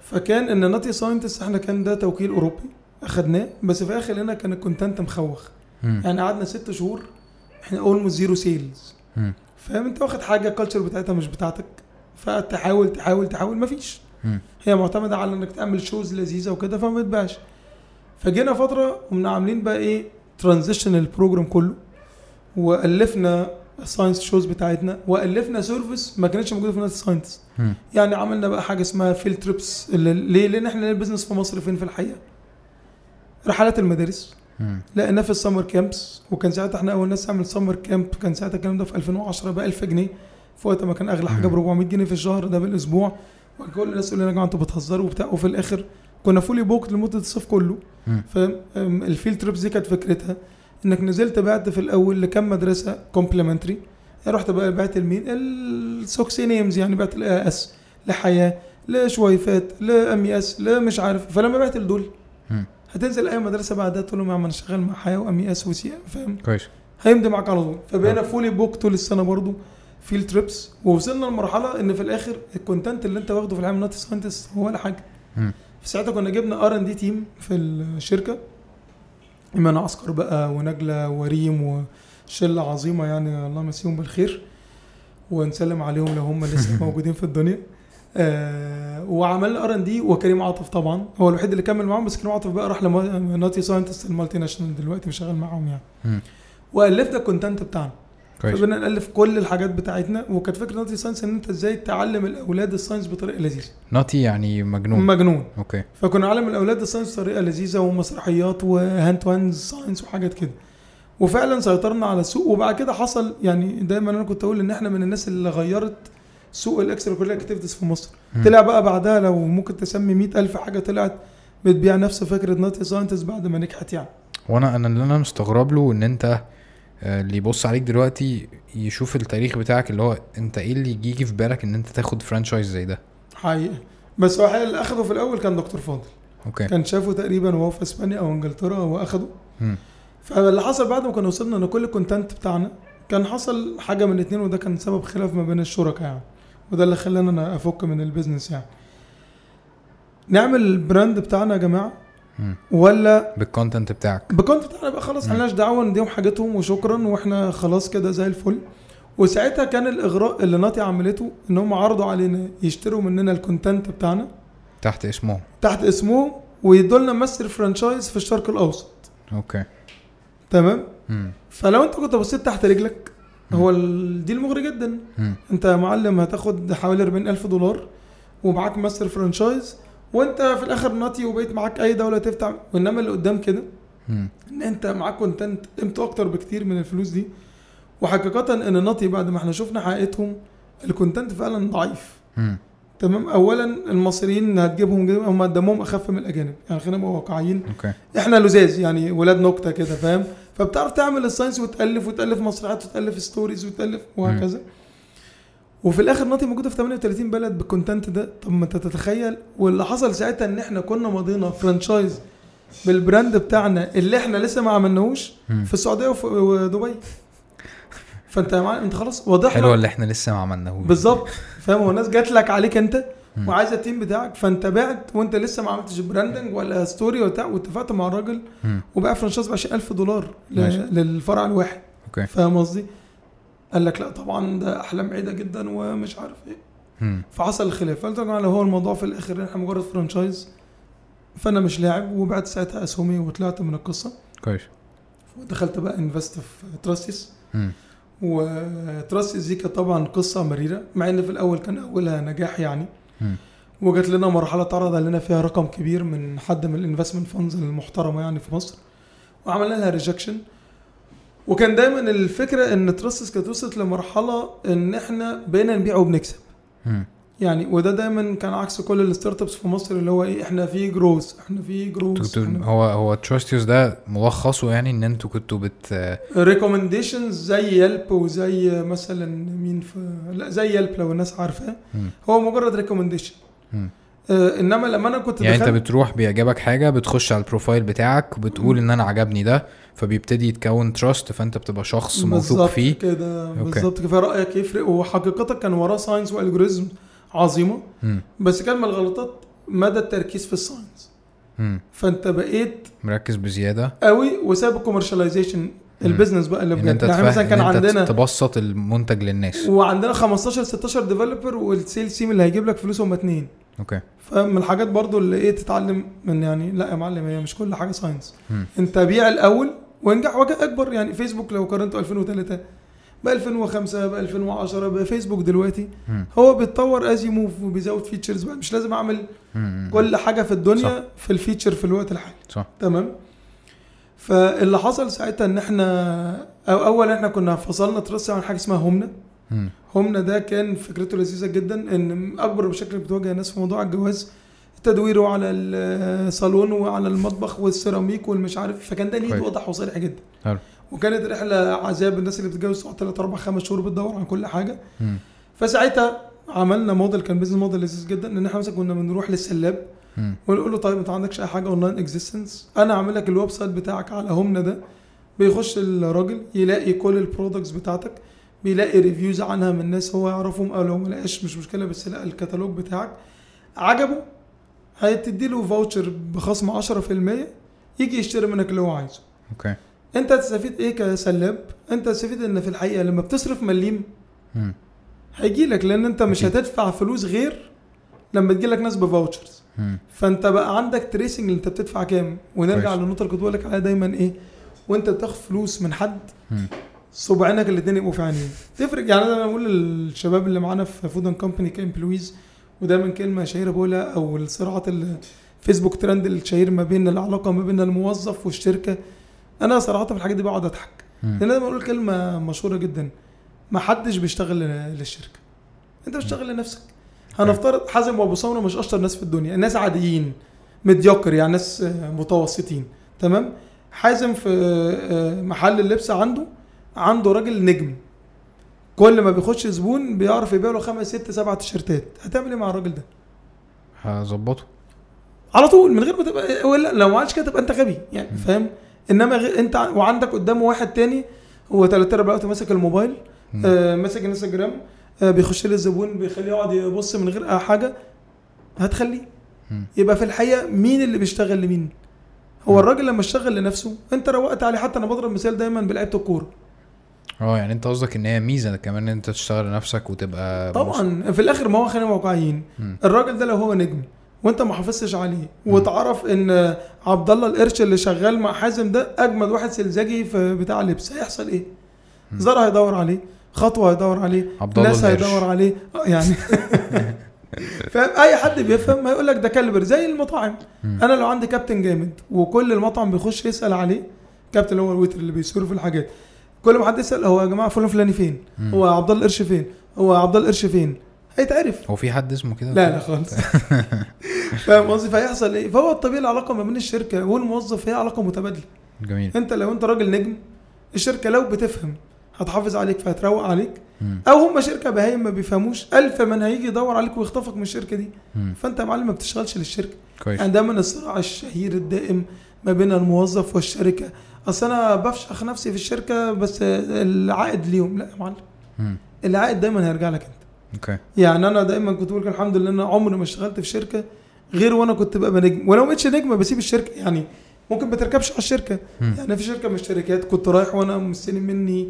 فيوتشر عظيم وهفرق قد ايه ورحت ما ركبتش مم. هم شغالين في حاجه انا ما بحبهاش بقى اطلاقا اوكي مش عارف اركب مم. فقمت يا جماعه السلام عليكم انا اسف جدا انا ماشي مم. يا ابني ليه واقعد واحنا ما عندناش مشكله واحنا عارفين انت هتعمل ايه بعد كده مش راكبه ففي الاخر لو انا كنت نجم في الشركه دي هيجي لي اوفرز من كل المنافسين مم. ففكره ان احنا على طول بنتصارع ويا عم انا بس بقضي الثمان ساعات وبمشي يا حبيبي ما انت هتبقى انت شغال في فودافون انت واحد من ال 5000 موظف مم.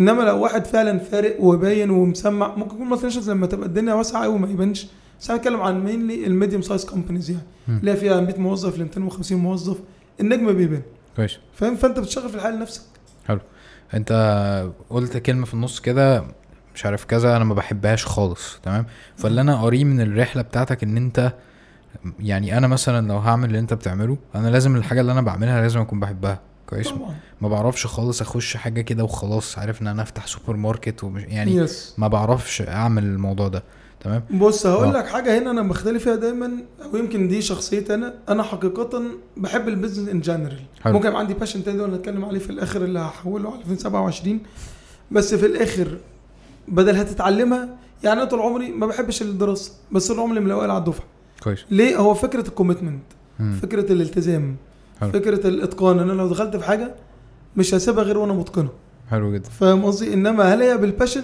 انا متخيل الباشن هيفرق يعني انا متخيل لما اروح الباشن بتاعي لان انا مثلا حاليا بضيع كل يوم ساعتين ثلاثه من وقتي اللي انا بعتبره نوعا ما ثمين يعني مم. في الباشن بتاعي ما بستفدش منه ولا مليم اوكي بس على طول هتلاقيني بقرا فيه على الاقل كل يوم ساعتين ثلاثه اشوف ايه الجديد وايه الدنيا وايه النظام وهكذا مم. فاهم قصدي ففي الاغلب لو هو ده الباشن بتاع اللي انا شغال فيه ميبي هتبوم بس ياما ناس نجحت وما كانش الباشن بتاعها في اللي هي شغاله فيه مم. فاهم فهي الفكره حلو اكتر جدا. كوميتمنت التزام الالتزام دوت حاجه بتقدر تكتسبها ولا الحاجه فيك اصلا اظن في التربيه واظن في الكاركتر اوكي مش عارف تكتسب ولا لا صراحه نايس بس انا ده بالنسبه لي دايما اديبيت ان انا لو في كوميتد يعني احنا مثلا في كالبرز عدوا علينا اشتغلت معاهم في شركات دايما اقول الكلمه دي لو معاه ثلاثة أربعة من فلان ده أو فلانة دي لا أنا هروح في حتة تانية مم. لأن هو في الآخر هو جاي كده مم.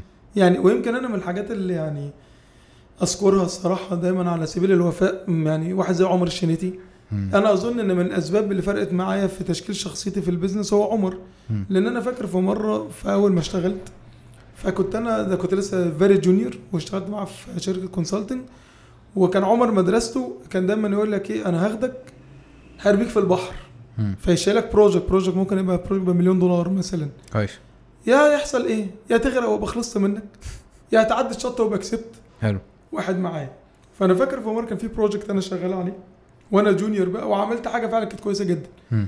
فبعت له بقى ميل وان انا ايه بقى انا مستني ايه ان يعني الموتيفيشن ميل بقى وان ازاي انت جامد فلقيته مرد عليا بيقول لي انت مستني حاجه فبقول له انت ما شفتش ايه اللي حصل ده انا عملت واحد واثنين وتلاته قال لي "أيوة، ما انت ما انت بتاخد فلوس عشان تعمل كده نايس ده رد الميل بالظبط ما انت مش تعمل كده فايز زياده مم. بعدها بقى بفتره قعد معايا قال لي انا بس بقول لك ده عشان تبقى حاجه واحده طول ما انت تبقى شخص بتستنى ريورد او خايف من بانشمنت هتفضل موظف مالكش ثلاثه لازم نايس وخلص فخلى دي في الاخر مدرسه يعني حتى دايما نقول للشباب يا معلم سيبك من ابو سمر يقول لك انت كويس ولا وحش مم. لا تتاثر زي ما بيقولوا كان تقريبا ايام السلف لا تتاثر بمدح المادحين ولا ذم ال- اللي ينتقدك يعني فاهم سوري مم. ولا يهمك. فاهم في الاخر انت اللي عارف انت بتعمل ايه في الحقيقه مم. فسيبك من كل الناس شايفه ابو سمره ناجح ولا مش ناجح انا مثلا دايما اقول للناس الناس يقول لك عيش وجبنه ما شاء الله سيلز عظيمه وويتنج ليست ومش عارف ايه وبتاع تيجي تقول لك انت رايك في عيش وجبنه يقول لك ما ادوش اكتر من 3 4 من 10 مم. طب ازاي ابو سمره ده الاكل جامد جدا والسيرفيس لذيذه انت نفسك ما تديهوش انا مش اكتر هاخد 3 من 10 ليه انا عندي بنش مارك مش هيعتمد على راي الزبون يعني دايما كنت اقول للناس حتى في التريننج بتكلم مع الناس يا جماعه الزبون المصري للاسف فقد مم. حقوقه مم. يعني كنت لسه بقول لهم يا جماعه هانس نار كان بيتكلم ان آه، فبحكي لهم مثال يا جماعه انا الايفون ده لو حازم انا قاعد معاه بيسلم عليا قام واقع مكسره تمام هل انا مستني من ايفون اي حاجه من ابل اي حاجه لا لو بعت الابل بقول لهم ده يا عم حازم كسر لي التليفون بتاعي فانا يعني حزين قام بعت لي فاوتشر بيقول لي يا معلم ده فاوتشر ب 1000 دولار روح بقى خد التليفون اللي انت عايزه هتعمل ايه الابل بيعملوا كده جدا عامه حقيقه هتعمل انت ايه بقى الابل كل ما هقعد قاعده ما شفتوش يا جماعه ابل عامل ايه ما شفتوش جدا. ابل عامل ايه فهو ده اللي حصل مم. فدايما بفهمهم يا جماعه ان الزبون ما يعرفش حقوقه يعني انا مثلا كنت بحكي للناس انا اشتغلت مثلا في فتره ويتر بره في انجلترا مم. فمثلا كان عندنا حاجه بيسموها ذا تو سكند لو مم. فكانت ايه فكرتها كان بيجيبنا المدير يقول لك ان لو في حد في الصاله رفع ايده اكتر من ثانيتين مم. في بنالتي على كل الناس اللي شغاله في المطعم نايس تتكلم في ثانيتين انت عندك هنا بتقعد تعمل لهم لو كده سمحت ابس يا كرسون. كابتن آه، مش عارف. ادم كان يقول لك ان اصلا الطبيعي ان الزو... الح... يعني لو كان بقى في السيرفيس صح ده احنا ما وصلناش برضه في عيش وجبنه بس ان شاء الله هنوصل لها ان لو حازم بيفكر انت تقرا ان هو عايزك فيكون عنده امورنا يا فندم نايس هو في- في حته انا دايما اما بروح مع مراتي مطعم انا ببقى مستني ليفل من السيرفيس معين نتيجه Yes. ان انا في استبرك انا بدي سيرفيس عالي يس واكيد انت فاهم ده بالظبط ف... فالوي فبطرقع للويترز جدا يس فمراتي بتقول لي بالراحه ومش عارف ايه وبتاع يس بس في المقابل لو حد بي بيقدرني وبيبتسم Yes. ومش عارف ايه ومتحمس اللي هو هي بتقول لي مثلا ايه طب ما هو غلبان وويتر ومش عارف ايه وبتاع طب ما هو لو عاملني كويس انا برضه هعامله تروق عليه كويس بالظبط وهتروق عليه يعني غير بقى انك تعامله كويس بالظبط هتديله تبس هترضيه بالظبط يعني يعني دايما اقول للناس انا لما اخش اي مطعم لا يعني يا جماعه ادفعوا تيبس مم. وادفع تيبس كود للسيرفيس يعني بالظبط. لو واحد روق عليك ومدلعك وبسطك وانت واكل ب 500 جنيه ما تسيبش 10 جنيه برضه يعني بالظبط. فاهم لازم برضه تبقى انت شيك بقى يعني بالظبط، فاهم صح. انت واحد انت ومراتك ب 500 جنيه والراجل قلب لك صوابعه ولا 10 شمعه وبسطك ومروق عليك والبيبسي بينزل مع الاكل والميه نازله من بدري وعلى طول اتنتف لتفاصيلك وانت ماشي وانا دايما بقول للناس الطبيعي زي بره افرج التبس 10% مم. فاهم ما تبقاش واكل مثلا في مطعم سمك انتوا 30 واحد واكلين ب 5000 جنيه والراجل منزل 60000 بتاعه في الاخر احنا سيبنا له 50 جنيه هزار يعني فاهم قصدي؟ انت لما بتيجي تخش مطعم آه اكيد انت نظرتك تحليليه جدا بقى وانت داخل المطعم إيه. طبعا طبعا احكي لي كده عن تجربه دخول مطعم لا زي ما انا انا بقول لك متخيل زي يعني عارف ايرون مان لما بيبقى Yes. قدامه مش عارف شاشات وحوارات وده بص وده مش عارف يمين شويه والكرسي و... حقيقة- حقيقة طبعا هي طبعا الموضوع معقد جدا بس زي ما بقول لك هو في الحقيقه يعني زي ما كنت بقول للناس السيرفيس سهله مم. هو الفكره ان احنا بقينا مش بتوع شغل يعني خلينا نبقى واقعيين للاسف موافق احنا مالناش بتوع شغل يعني الناس يقول لك اصل ما فيش شغل لا يعني انا بقول لك أصل احنا عيش وجبنه اقل اقل بوزيشن عندنا اللي هو انت ما اشتغلتش اي حاجه قبل كده ويتر واحنا اللي هنعلمك انت مينيمم هتعمل لك عندنا حوالي 3000 جنيه مم. رقم مش وحش يعني في الاخر انت صح. بتتكلم في 3000 جنيه رقم مش قليل مم. ولو انت بقيت كابتن وشاطر انت مينيمم كنت تعمل في عيش وجبنه 7 8000 جنيه ماشي مهندس يعني فاهم قصدي بس في الاخر انت اللي هتحدد لنفسك انت عايز تعمل ايه صح فلما تخش دلوقتي مطاعم لا انا يعني ايفن ذو للاسف المدارس ما هو خلينا واقعيين في مصر في مدارس مم. يعني لو نقول على سبيل المثال كريف مدرسه مم. خلينا نبقى واقعيين كريف من المدارس الشهيره في المطاعم في مصر وجزء كبير من اسباب نجاحها نجاحها ان لحد دلوقتي الاونر او اللي مسؤول عن الاداره بعد ما بقى عنده 7 8 9 10 فروع وعنده كيترن كومباني ما شاء الله هي رقم واحد في مصر لا ولحد دلوقتي تقريبا بيعدي على المطاعم كلها كل يوم مم. والدنيا وبتاع لان فكره ان يا معلم انا نجحت فريح مم. هو انت نجحت فشوف هتعمل ايه اللي بعديه بالظبط كده فاهم قصدي؟ صح. فبتخش المطاعم لا تلاقي الكباتن ملمومين مع بعض بيتكلموا مع بعض وناسين الزباين آه طبعا تطلب آه البفرج مع الاكل يجي لك الاكل وانت بتخلص الاكل يجي لك البيبسي مم. ستاندرد بقى مثلا احنا في عيش وجبنه لو احنا شغالين صح مم. انت لو في مره ما جالكش البيبسي مع الاكل ما تدفعش البيبسي مم. يعني قوانين الشركه عندنا اللي هي ما لا تطبق اوكي للاسف غير لو انت مم. موجود ان انت لو طلبت الاكل مم. ومعاه بيبسي جالك الاكل بعد البيبسي بعد الاكل لو انت فكرت الراجل انت ما تدفعش البيبسي عندنا اوكي فاهم قصدي ان انت لو طلبت الاكل اتاخر عن وقت السيرفيس اللي بلغك بيه مم. ما تدفعش الاكل مم. فكل دي الحاجات رولز اللي احنا عاملينها تطبق مم. في الاغلب لا فاهم ان لو الكباتن متجمعين وقاعدين مع بعض وواقفين بيرغوا لا في بنالتي على الكلام ده بس هو في الاخر زي ما انا بقول اللي معطل الاكسبانشن بتاع عيش وجبنه او السيريز بتاعتنا او كده غياب الكوادر اوكي فانا بالنسبه لي لو جالي كوادر يعني انا كنت مره بفكر طب احنا ليه بندور اوريدي من السوق ما تيجي نالف احنا حاجه نجيب شباب بعد زي ما احنا في بره كنا كلنا بنشتغل في المطاعم عاديين جدا تعالى يا معلم خد تريننج بروجرام ثلاث شهور واشتغل وانت في الاخر لو هتكسبني انا اديك اللي انت عايزه ده اللي انت بتعمله الايام دي بحاول اطبقه يعني بدايه التجربه من الاسبوع اللي فات وهنشوف هننجح ولا لا يعني انت جايب شباب بتعلمهم من يعني اه من مدرسه تانية خالص عارف في الاخر بعمل ايه فاكر الجوكر بروجرام اللي كنا بنشرحه مم. زمان فبجيبهم بقى بديهم ماركت انتليجنس وبديهم بزنس استراتيجي وبديهم مانجمنت في المطاعم وبدي الاوبريشن مانوال بيعمل ايه هل ده هل ده كوست افكتيف ليك يعني انت بتصرف هل هل انت هيجي لك بص هقول لك حاجه للاسف اول لما فتحنا صرفنا كتير جدا على التريننج وكانت تجربه مريره لان الار او اي كان صفر اوكي يعني احنا صرفنا مثلا 120 130 الف جنيه تريننج مم. فايه اللي حصل؟ انت ابتديت المطعم كان عندك مثلا 10 كباتن مم. اتنين منهم رفدناهم عشان كانوا يشربوا مخدرات مش بره ده احنا قفشناهم في اللوكر أصلاً. معاهم آه، اوكي مخدرات آه، واحد ضرب مديره نايس واحد طلع حرامي واتنين جاله اوفر فرق 100 جنيه قام سايبك ومشي فانت أربعة من عشرة مم. وديها لي نايس فاهم آه، نفس النظام للاسف فب... ودي مشكله كنت لسه الشباب بيقول لي يا رسمي احنا اي حته بنشتغل فيها ما بليش تريننج فشرحت لهم قلت لهم هو المشكله ان الشركات بقت مقلقه من التريننج مم. لان انت يا معلم بتاخد تريننج وتروح ولو جالك تطبقه. اوفر ب 50 جنيه بره بتمشي يعني صح. صح. انا كنت بقول لهم يا جماعه لويالتي از فور دوجز انا مش بطلب من الموظف انه يبقى لويال بس في حاجه اسمها كوميتمنت الولاء للكلاب بالظبط انما الالتزام للموظف مم. فانا طبيعي جالي انا اوفر باخد 5000 جالي 5100 جنيه امشي مم. تبقى غبي انما جالي 10000 جنيه اوكي لا انا بقول لك امشي يعني انا لو جيت قلت لي يا معلم انا جالي 10000 جنيه مش خمسه انا اقول لك امشي انما جالك خمسه ونص يا ابني انت غشيم هنا بتتاخد وضعك وعارف إيه النظام وفي ظروف وفي مش... وليك بروموشنال بلان وليك انفستمنت بتاخده وليك مش عارف ايه فاهم قصدي؟ طب وايه اللي انت بتعمله مختلف دلوقتي ده ال- بداية ان احنا عاملين حاجة اسمها ده جوكر تيم فمنقيين اربع شباب آه، بنديهم تريننجز اكستنسيف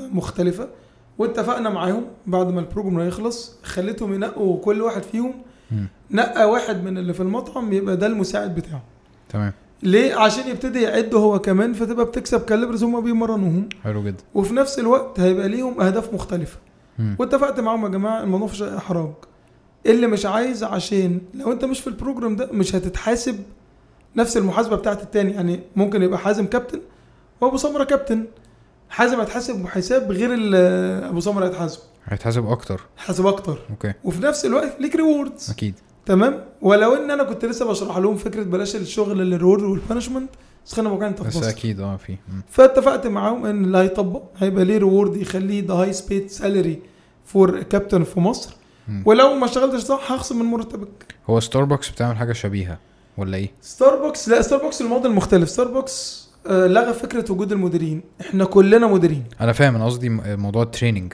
الترين اه طبعا اه اه ستاربكس من الناس اللي بتدي تريننج سواء- او يعني خلينا واقعيين بس ستاربكس دايما آه، حاجه مهمه جدا تبقى انت عارفها انت مكانك فين في البيزنس لايف سايكل بتاعت الشركه بتاعتك يعني خلينا احنا نبقى واقعيين مم. عيش وجبنه دلوقتي بيعاني عشان يلاقي ناس تمام عيش وجبنه كمان خمس سنين وهو عنده سبع تمن فروع وكدوشه عندها تلات اربع فروع وفتحنا براند تاني اسمه حلبسه بيبيع انترناشونال كريف عنده خمس ست فروع وفاتحين في دبي والسعوديه والامارات وبتاع هتعب عشان الاقي كالبرز لا كل الناس هتبقى هي اللي بتجيلك اه لان انت ده هدف بالنسبه لك بالظبط زي آه. مثلا انت دلوقتي بالنسبه لك انا نفسي اشتغل في فودافون م- م- فحجم الشركه بي- يعني اي حد خلينا نبقى واقعيين لو انا بتخرج هشتغل في ستاربكس ولا اشتغل في عيش وجبنه م. فهمتك اشتغل في ستاربكس كويس فالشركات لما تبقى انت حجمك كبير م. بيدي لك سوكسي ان انت الواحد يشتغل عندك وهكذا صح نايس آه في مشهد كده عايز ارسمه كنا آه، بنصور الفيلم بتاع الصحبة اللي هو كان بيتكلم عن الموت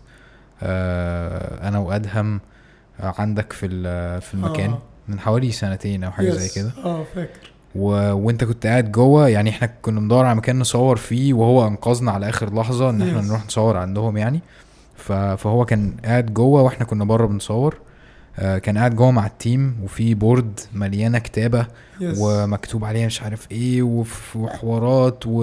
و... وليستات وحاجات اكل وحوارات زي أيوة. دي و... وساعتها كان في ايجيبشن فوديز وبعدين انا سالتك بتعملوا ايه بتقول لي بنعمل مطعم يس وقلت لك بتعملوا ايه مش عارف ايه قلت لي تشيز سكيلتس وحاجات زي كده يس آه ف... فدي كده كانت لقطه آه او او مشهد من حياتك في مثلا رحله طويله جدا من ال- من البحث القوي جدا قبل ما تاخد خطوه المطعم حقيقة. انت قعدت حقيقة. قد ايه في الرحله دي احنا قعدنا من 4 2016 فتحنا 11 2017 تقريبا أوكي. سنه ونص سنة سنه, ونص. وسبع شهور سنه ونص ما لمستش يعني كل ده بحث بس كل ده ار ان دي نايس من اول الكونسبت للتفاصيل للمنيو هو حقيقة أنا لو دايما بقول للناس إن إحنا فخورين بحاجة في عيش وجبنة مم. حقيقة حتى الناس بتخض مكالمة اللي أنا بقولها دايما إنك مستحيل تاكل أيتم وحش في عيش وجبنة مم. ولو كان وحش فهو في حاجة غريبة يعني مم. إحنا الفكرة إن إحنا مثلا إحنا عندنا في المنيو بتاع البرجرز 10 جورميه برجرز مم. دول متنقين من 94 ايتم كومباينيشن برجر فانا عندي شك ان هم جامدين جدا ليه اولا جربنا كل حاجه في الدنيا بعد ما عدينا مرحله الار ان دي كنا بنعمل الفود بلوجرز والمش عارف ايه بعدها الشيفات يدوقوا بعدها نزلها سامبلنج لما كنا بنعمل صحابنا عندنا يدوقوا مش عارف ايه فانا ما عنديش شك ان هو يبقى حلو ممكن بقى يحصل ايه البرجر يتحرق فيجي لك وحش الطباخ وهو بيعمله ما حطش الريسيبي صح ان مثلا في الراسبيري هانت ده برجر بالمربى بالمش عارف ايه لازم يحط لك بالظبط 15 جرام تمام هو لو حط لك فعلا 18 هيبقى مسكر ولو حط لك 12 انت مش هتحس اوكي فاهم فهو ممكن بقى يلعب في الحته دي ولا حاجه فيجي لك تحس مم. انما لو هو طلع لك از ريسيبي از بوك مستحيل ما تتبسطش مم. فاهم قصدي فاحنا قعدنا سنه ونص جربنا يعني مثلا في المنيو الفطار اللي احنا بقينا مشهورين قوي بيه مم. لا احنا عاملين مثلا آه، في الاخر 8 اومليتس مم. دول من حاجه و60 طبق اومليت جربنا كل حاجه بقى جربنا بيض بالمربى وبيض بالنوتيلا وبيض بالمش عارف ايه وبيض بالريحان وبيض بالمش إيه. فتلاقي ان المنيو بيض بتاعنا بالنوتيلا جربنا كل حاجه ممكن تتجرب ليه هي كانت اسمها ار ان دي كويس عك يا معلم حلو. فاهم انت بتريسيرش انت انت ما بتقولش ان ده بيطلع حلو انت بتجرب يعني عندنا برجر مشهور جدا لسه ما نزلش هننزله في يوم من الايام انت خلي بالك ان احنا عندنا يعني بدينا تستقر الحاجه اللي احنا بنعملها ان احنا دايما كل ثلاث شهور بننزل بروموشن ايتمز جديده ومش عارف ايه فعندنا مثلا برجر مسمينه ده برجر بول مم. ده فكرته ان البرجر احنا بنحفره زي كانه بسين مم. ومحطوط فيه صوص مانجا ومش عارف ايه وحاجات كده من الحاجات العظيمه مم. بس في الاخر هو كان حلو جدا بس لما ناس كتير يدوقوا هو فيري سبيشال تيست مم. فما كسبش اوكي فاهم بس انت انا بقول لك بد- عملنا برجر بالمانجا او عاملين برجر تاني بالبيستاشيو بالفستق ب- مش عارف ايه ومعاه مش عارف ايه فاهم والافوكاتو بس مم. في الاخر ما نزلناهوش ليه؟ عشان كانت تكلفته عشان تبيعه هتبيع البرجر ب 170 جنيه اوكي انت هتشتري برجر ب 170 جنيه لا. مش هيحصل مم. ففي الاخر ده فاكر لما بتكلم ان فكره انك بتحط حاجات في المنيو وهي بتخسر مم. فهو الفكره اه ده ايتم جامد، بس ممكن انزله في مره ثلاث شهور ويا جماعه ده برجر فيه فستق وف... فالناس الطبيعي بتبقى فاهمه الفستق غالي وان الافوكاتو غالي وان المش عارف ايه فهاجي في مره اجربه ادفع 150 جنيه في برجر عشان اجربه مم. بس مش هجي لك اكله كل مره Hmm. كويس فالفكره ان احنا قعدنا كتير جدا نريسيرش وعملنا في الاخر زي ما شفت اخدنا الشقه اللي تحت عندنا في البيت يعني عملناها مطبخ كبير كل يوم بقى انت بتقابل كل يوم بتجرب كل حاجه ولو يعني هضحكك اكتر في ساندوتش زي الراسبر هانت ده في مثل البروسيس بتاعه كانت معقده جدا هو ده برجر عليه آه، راسبري جام وسموك تشيز وكراملايز اونيون وبيف بيكن مم. فكره اصلا الكومباينيشن يجي منين احنا مس... احنا قلنا هنعمل برجر بالمربى يا جماعه مم.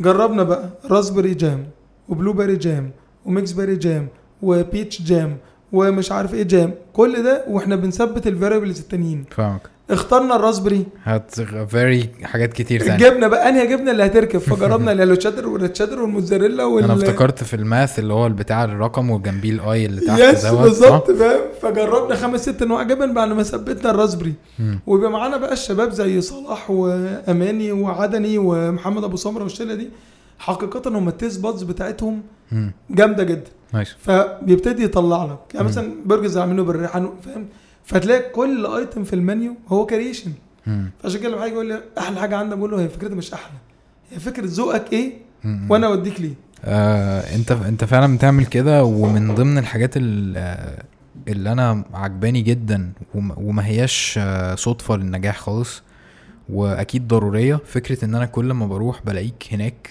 يس وبتخدم أيوة. وبتنزل وبتيجي وبت... وبتجيب الحاجه من جوه أيوه. وبتطرقع للناس ومش عارف ايه وبتاع آه انا ما شاء الله بت... ب- بتذهل من الفكره دي يس آه وبشوف العلاقه المباشره لنجاح البيزنس في ال- في اللقطه دي حقيقة دايما انا اقول للناس ان البيزنس بتاعك طبعا الرد التاني اللي هو الكونز بتاعته طب وهتعمل ايه في الاكسبانشن طب وهو الساحل اخباره ايه طب فنرجع نقول ان في اللايف سايكل بتاعتك كشركة انت دلوقتي ما عدتش الكوادر بتوعك بس خلينا نبقى واقعيين انت لو من كل عشرة من كل مية بتكسب واحد او اتنين مم.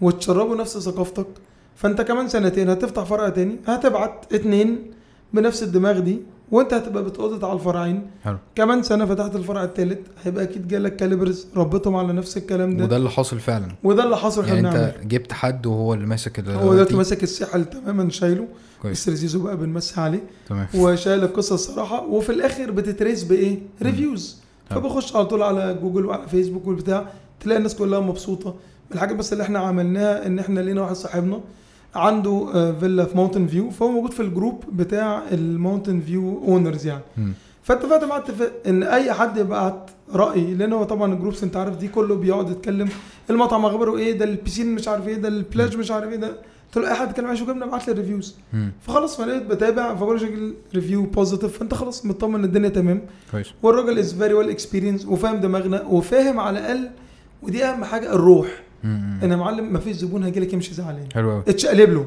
طب وانت عامل خطتك ان انت تروح هناك كل قد ايه؟ يعني بروح في الويك اندز لو الدنيا بالذات الويك اندز الهوت يعني مم. اللي هي مثلا كان يوم تا- 30 6 فده اجازه طويله فالدنيا زحمه هناك وبقسم نفسي حسب الديماند يعني كويس و... و... وعلى المدى البعيد انت عايز تقلل جدا ان انت تروح هناك وان انت تروح المطعم نفسه اللي هنا طبعا ولا ايه؟ حقيقة هنا في الساحل حاليا بس اللي زي ما بقول لك الاهم يعني اللي نفسي ينجح واللي معطلنا الاكسبان احنا البلان الطبيعي كنا فاتحين الفرع الثاني من السنه اللي فاتت مم. والثالث اخر السنه دي مم. اللي دايما يبقى عطلنا هي فكره الكوادر مم. فهوبفلي ان الاستراتيجي الجديد بما ان احنا جربنا كل حاجه تقليديه ما احنا جربنا احنا نجيب ايه نط على بول وشوف اجمد واحد فيه وهاته حلو شوف اجمد واحد في اوفيو وهاته شوف اجمد واحد في مش عارف مين كريب وهاته في الاخر ما نجحتش مم. فكره الهيد هانتنج ما نجحتش يعني انتوا عملتوا كده وفي ناس عملنا جت طبعا اه طبعا كتير وجم. جم اوكي وما ومشي كملوش قوي يس ماشي ليه بقى؟ لان في مشكله في المدرسه مم. يعني برضو في مشكله للاسف ان المدرسه نفسها مش واحده مم. فهو مش مقتنع ان الزبون هتعمل له هو يعني مثلا نقول للناس حازم دخل طلب مثلا آه، طاسه اسمها جراوند راوند حازم كان قصده يطلب حاجه تانية مم. خالص فوانت بتنزل له تقول، ايه ده ايه ده لا ده انا كان قصدي تكس ماكس ماشي هو ح- انت كشركه ما غلطتش اكيد وحازم مش هتضايق لو انت قلت له لا ده حضرتك اللي قايل لي ومش عارف- بس لا ايه ده احنا اسفين جدا يا فندم الجراوند راوند دي احنا عازمين حضرتك عليها وهجيب لك التكس ميكس حلو ده زبون خلاص كده مدى الحياه بالظبط وده بقى اللي بقول للناس حاجه اهم سيبك من هو زبون ولا من زبون يعني دايما بقول للناس زي ما أنا عندنا كلمه ب- لسه كنا في التريننج بطلوا تقولوا كلمه هنستنى حضرتك تشوفنا انا اشوفك تاني يا معلم اديله السيرفيس مم. واديله التيست واديله النظافه واد- وخليه يبقى مبسوط مش محتاج تقول له تعالى تاني مم.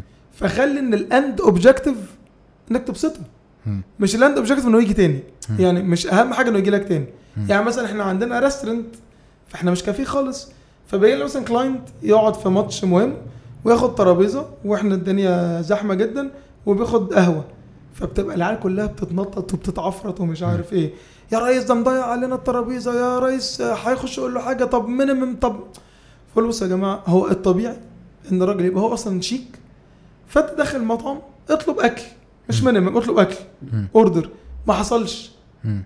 انت لما تعامله بكل الشياكه وهيحس ان انت محافظ عليه ومديله فول كير مم.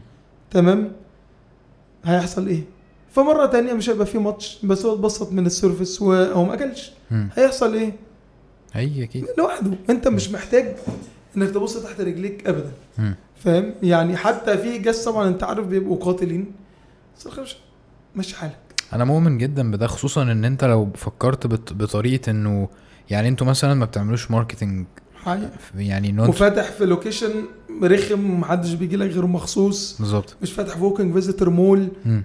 حاجه ف... صعبه فانت جداً. فانت يو كان افورد او انت تقدر تستحمل ان انت تعمل اللقطات دي تقدر Yes. ت... ت... تحط بادجت على جنب حقيقة.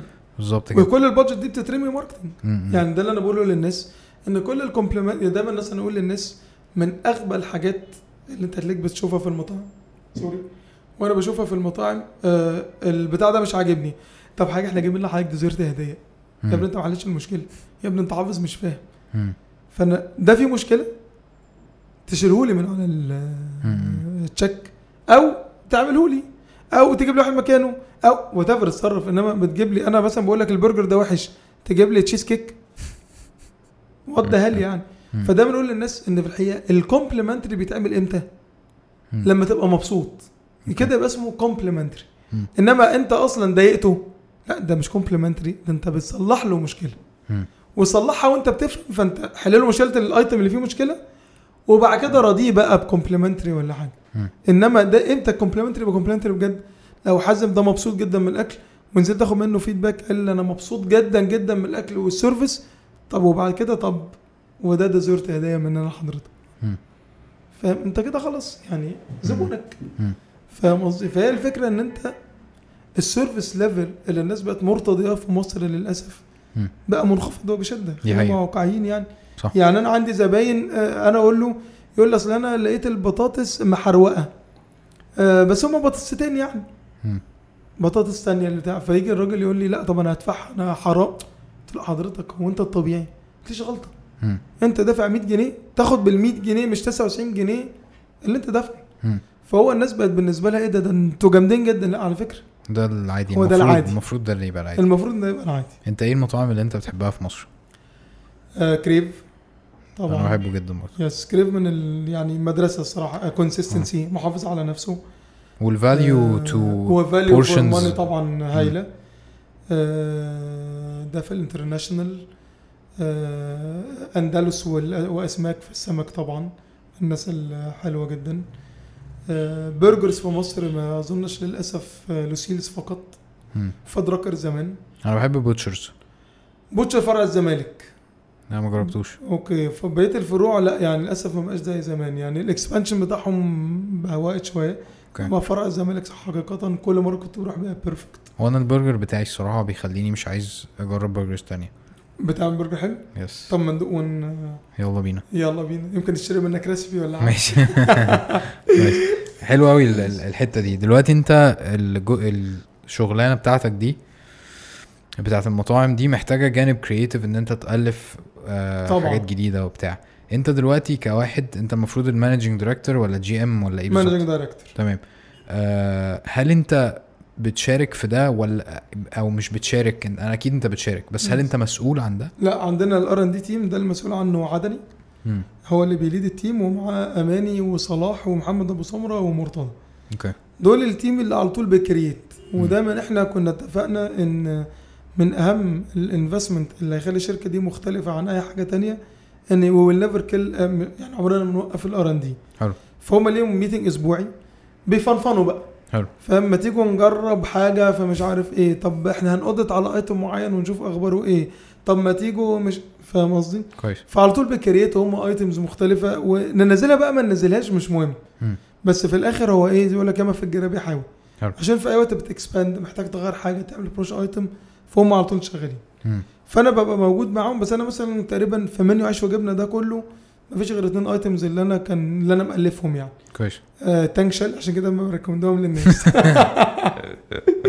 آه، ايتم اسمه تانك شل وايتم اسمه جريك وده كان اختراع يعني والتانك شل ده حقيقه هو بس سيلر عندنا جدا وبيعجب الناس بس هو اكيد بس قادر لان انت قاعد بتبيع سيلز السنين عليه بقى هو حقيقه جايه فكرته من ساندوتش كلنا واحنا صغير كنا بنحبه جدا بتاع مؤمن كان اسمه كيف تشيكن كيف كيف كييف اه تفتكره. آه، ايوه ايوه أيوة. فاهم هو الفكره مقتبسه منه بس بشويه تعديلات يعني نايس بس ف والجريك ده فكرته جايه منين ان انا يعني بحب فكره البيض اللي بالجبنه البيضه اللي الناس كلها ما تحبوش الناس كلها متعوده على الجبن الصفراء والحاجات دي مم. فده احنا عملناه بالجريك بقى ج- يعني جبنه بيضه وزيتون كلاماتا وساندرا توميتو ونعناع مم. من الايتمز اللي تستحى عالي جدا يعني كويس انتوا الهدف بتاعكوا او اللي بيميز الاكل بتاعكوا الانجريدينتس القويه كواليتي بص ما فيهاش هزار مم. يعني احنا عندنا دايما دي من الحاجات اللي دايما كنت بتخانق فيها مع البيزنس اونرز بشتغل معاهم واقول له دايما كواليتي از ذا كي مم.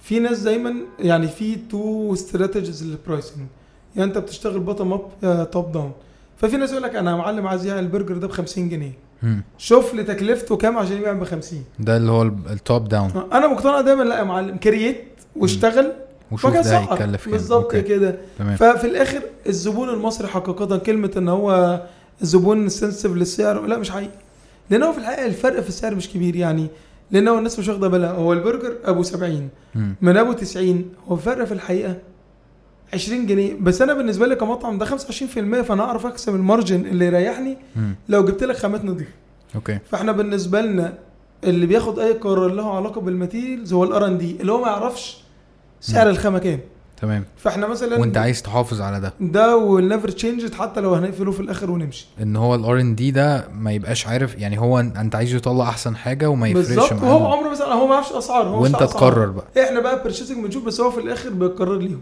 اوكي يعني احنا مثلا ايام البرجر الريسيبي نفسها مم. احنا جربنا كل حاجه ممكن تعمل في اللحمه جربنا البرجر اللي كله لحمه بلدي مم. وجربنا البرجر اللي كله لحمه مستورده وجربنا البرجر الميكس ما بين الحاجتين مم. وجربنا اللي هو 50 50 و60 40 عارف زي كده عندكم في التيشيرتات هو قطن ولا مش عارف آه، جربنا كل النسب اللي في الدنيا كويس فاهم لحد ما وصلنا الريسيبي ان هو ده البست فيت بعد كده نشوف التكلفه عامله ازاي مم. الجبن ما لو المستورده احسن يعني كل الجبن دي المستورده ما عدا حاجه او اتنين مم. والحاجه او الاتنين دي المصري عشان هم احلى من المستورد يعني حلو. مثلا الشدر الاحمر عندنا في مصر مع ان هو احنا عارفين ان كجوده ككواليتي هو مش احلى من الامريكاني بس طعمه احلى طعمه احلى بكتير اوكي وراكب في الكومباينيشن اليق بكتير كمان في البلانز اللي عندنا وكده حلو فدايما بيبقى القرار الار ان دي يقول لي يا معلم انت هتجيب اكس مم. انت هتجيب الشادر المستورده بتاعت سعودي انت هتجيب المش عارف الامنتال الفرنساوي اللي م... م- يعني هو مالش دعوه مم. دي بقى فرنساوي دي مصري دي ايطالياني دي ب 200 دي ب 150 مم. دي مش بتاعتنا بعد ما هم بيخلصوا ريسيبي الساندوتش بيجي لنا عند تيم اسمه الكوستنج مم. الكوستنج ده لو بياخد بقى يجيب الاسعار المختلفه من السبلايرز المختلفين مم. بس يقول له ايه انا عايز التوصيف ده حلو فانا عايز يا جماعه جبنه التشادر اللي احنا جربناها النيوزيلندي او الأس... مم. وهكذا وكل برجر ليه جرام فلاني ومش عارف ايه وبتاع بالظبط كده وتحط كل الريس بقى كم بيكن وكم باربيكيو وكم تشادر وكم مش عارف ايه وبنسعر طبقا عليه اوكي واحنا مثلا مختلفين في حاجه ان احنا ما بنسعرش يعني بنبقى شايفين الكومبيتيتورز مم. بس ما بنسعرش طبقا ليهم مم. احنا بنسعر طبقا لينا احنا احنا مثلا عندنا في الفطار حقيقة مع ان احنا الحمد لله كريفيوز ودلوقتي كسيلز وكده ممكن نكون بنبيع اكتر من كل الكومبيتيتورز وغالي شويه لا اكتر منهم كسيلز وايز اه وحقيقه ارخص ب 25 30% اوكي ارخص فدايما من بول مثلا ارخص من بول تمام. اتليست 37 38% اوكي مع ان احنا فور شور هات اي حد يدوق بول ويدوق عندنا مم. ويقول الريفيو او نبص على الريفيوز اللي على جوجل وكده سيبك من راينا احنا يعني اوكي فاهم ارخص من اوفيو أر- مع ان انت في الاخر كواليتي اوف انجريدينتس اعلى مم. لان احنا عارفين كل السبلايرز بيوصلوا لمين وعاملين ايه وحقيقة مافيا. ففي الاخر حقيقة اه ده ده في الحاجات دي احنا ما بنهزرش يعني فهو في الحقيقة انت في الاخر بالنسبة لك انت بتعمل المارجن اللي راضيك مم. معناه ده بنقول للناس اه وي هاف ذا روم فور انكريزنج البرايس بتاع الفطار بالذات مم. يعني احنا في البرجرز احنا اسعارنا مناسبه جدا غاليه طبقا للكواليتي وكل حاجه بس في الفطار احنا ده الكومبيتيتورز بتاعنا هم قهوه اوفيو بول مم. احنا ارخص واحد فيهم اوكي وحقيقه اعلى ريفيوز واعلى ريتنج واعلى كواليتي واعلى يعني انتوا جبتوا الميبل ال- ال- الميبل سيرب ولا لسه؟ لسه من اصحابنا بيجيبوا لنا هديه وهم جايين من بره اه هات معاكم من كندا ومش عارف ايه حقيقة. فهو طبعا دوب بتسد شويه يا نهار ويخلص أبيض. يسد سحله لحد ما نشوف له بديل ان شاء الله نايس آه، دلوقتي آه، ال آه، انت انت دلوقتي قلت لي ان انت ليك باشن معين يس كويس انا بمر بالصراع ده لان انا بدات احس ان الواحد من كتر ما بيسمع كلمه باشن ومش عارف ايه بدا يحس انه اما بيشتغل شغلانه عاديه يس آه لا انا ما ينفعش اشتغل الشغلانه دي انا لازم اسيب الشغل حالا ومش عارف ايه رغم ان هي دي بتجيب الفلوس والباشن فعليا ما بيجيبش فلوس على الاقل Yes. في الاول حقيقة فانت دلوقتي آه البيزنس اللي انت فيه حاليا يس هل انت بتعتبر ان دي اكسرسايز مثلا هل انت بتمرن نفسك على حاجه معينه بيه ولا انت لا لا خالص أوكي. انا اللي بعد كده مش هبقى بعملها عشان فلوس خالص تمام يعني انا كده كده عندي انا حتى حاجه اصحابي المقربين عارفينها احنا من انا من 2015 كنت قايل انا في 2017 هفتح المطعم 2022 يعني عندي كده استراتيجي لحد شاطر. 2027 2027 بقى اخلص يعني هستقيل في الاغلب لان انا عامه بقول للناس انا مش احسن حد يدي شركات كبيره مم. يعني اول لما تبقى بقى فيها مانجمنت قوي وبوليتكس ومش عارف ايه لست انا هذا الشخص خالص مم. انا مينلي بتاع تقويم الشركه وتشمر وتشيل ومش ماشي. عارف ايه وهكذا والاستراتيجي اللي في الاول والواقعيه يعني حتى كان في حتى انا لك ابو سمره بتاع ال ال مم. ال الواقعيه في الشغل حلو. اللي هو يعني اصل المنيو بتاعنا لسه ما اتطبعش فاحنا هنستنى لحد ما نفتح فأنا طبعا من مدرسه انا راسيوس فاكر اللقطه دي يا معلم المنيو هطبعه مم. اكسل شيت يا جماعه احنا اسفين جدا وبتاع انت بتقرا المنيو وانت اصلا لو سافرت اي حته بره في الاغلب المطاعم كلها منيوات اصلا ما فيهاش صور مم. بس انا معاك ان لازم اعمل منيو بالصور بس هنفتح ونشتغل ولما يجي المنيو مم. هنعمله يا معلم اصل ده ناقص مش عارف يا معلم اشتغل واز يو جو هتطور موافق جدا تمام فال... فانا عندي استراتيجي كده او يعني عندنا والمرسوم القش وجبنه وكدوشه وبقيه البراندز اللي ليها علاقه بالاف ان بي كلها انا بالنسبه لي توصل لمرحله طبعا احنا في مصر لحد 2022 وشكرا يعني في الاغلب مش هنكسباند اكتر كده في مصر مم. وهنطلع بره مصر حاطط برضو خمس سنين لحد ما يوصل كنت انا حاطط كده ان انا ابقى على الاقل موجود في 30 بلد مم. وبعد كده اقول لهم يا جماعه شكرا كده خلصت اللي عليا بيجي لي العوائد بتاعتي من الشركه او اكون بعت بقى مش عارف ايه واروح اشتغل في الكوره كوره يس نايس انا عامه الباشن بتاعي بقى في الحقيقه انا بفرجش على الماتش مم. بس بقعد اتفرج على الاناليسز و...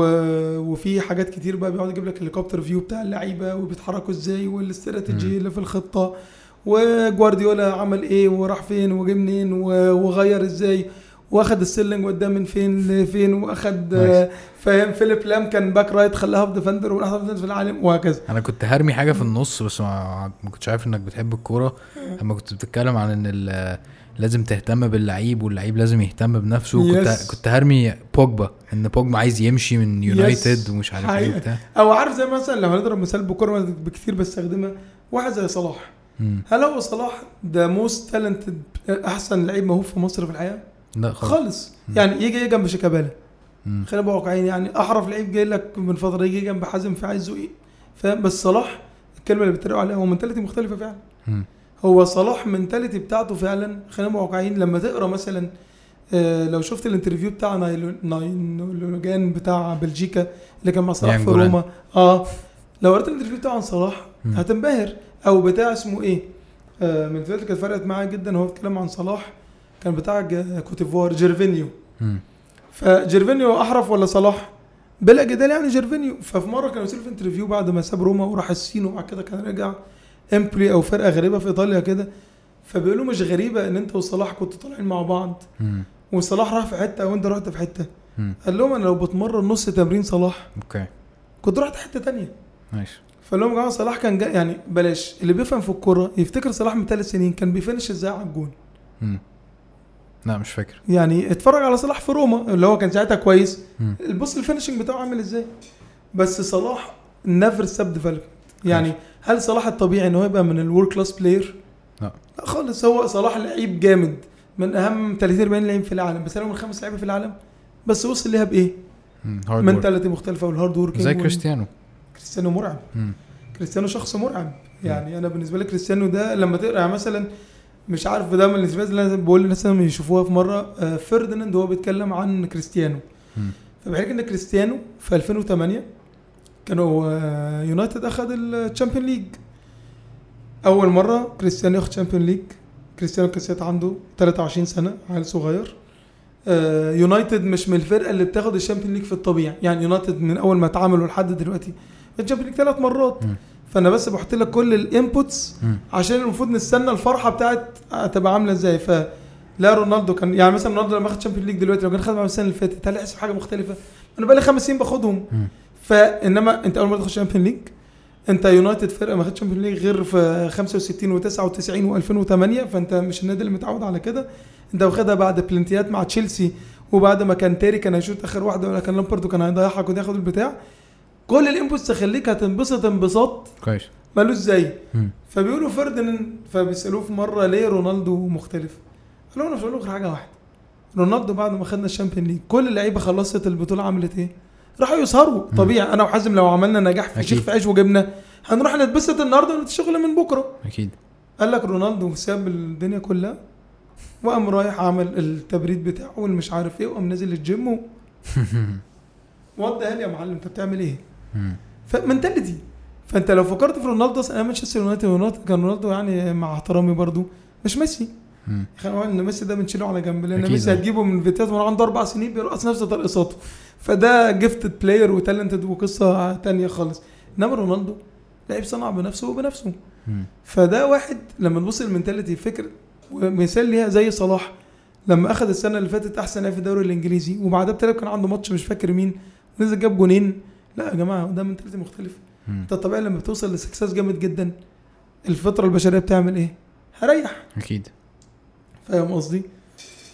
ال- الحوار ده انا ب- انا ما ب- ما بقدرش افهمه عشان انا بحس ان هو بيجي من حته يعني مثلا رونالدو آه، حياته وهو صغير كانت صعبه جدا صلاح Yes. وهو صغير حياته كانت صعبه جدا ففي حاجه دايما بت بتخليه مشتعل من جوه بص انا اظن ده حاجه واظن هو حط لنفسه عايز يوصل لفين فين الليمت بتاعك مم. يعني برضه لو تفتكر انترفيو رونالدو في البالون دي اور بتاع 2014 تقريبا مم.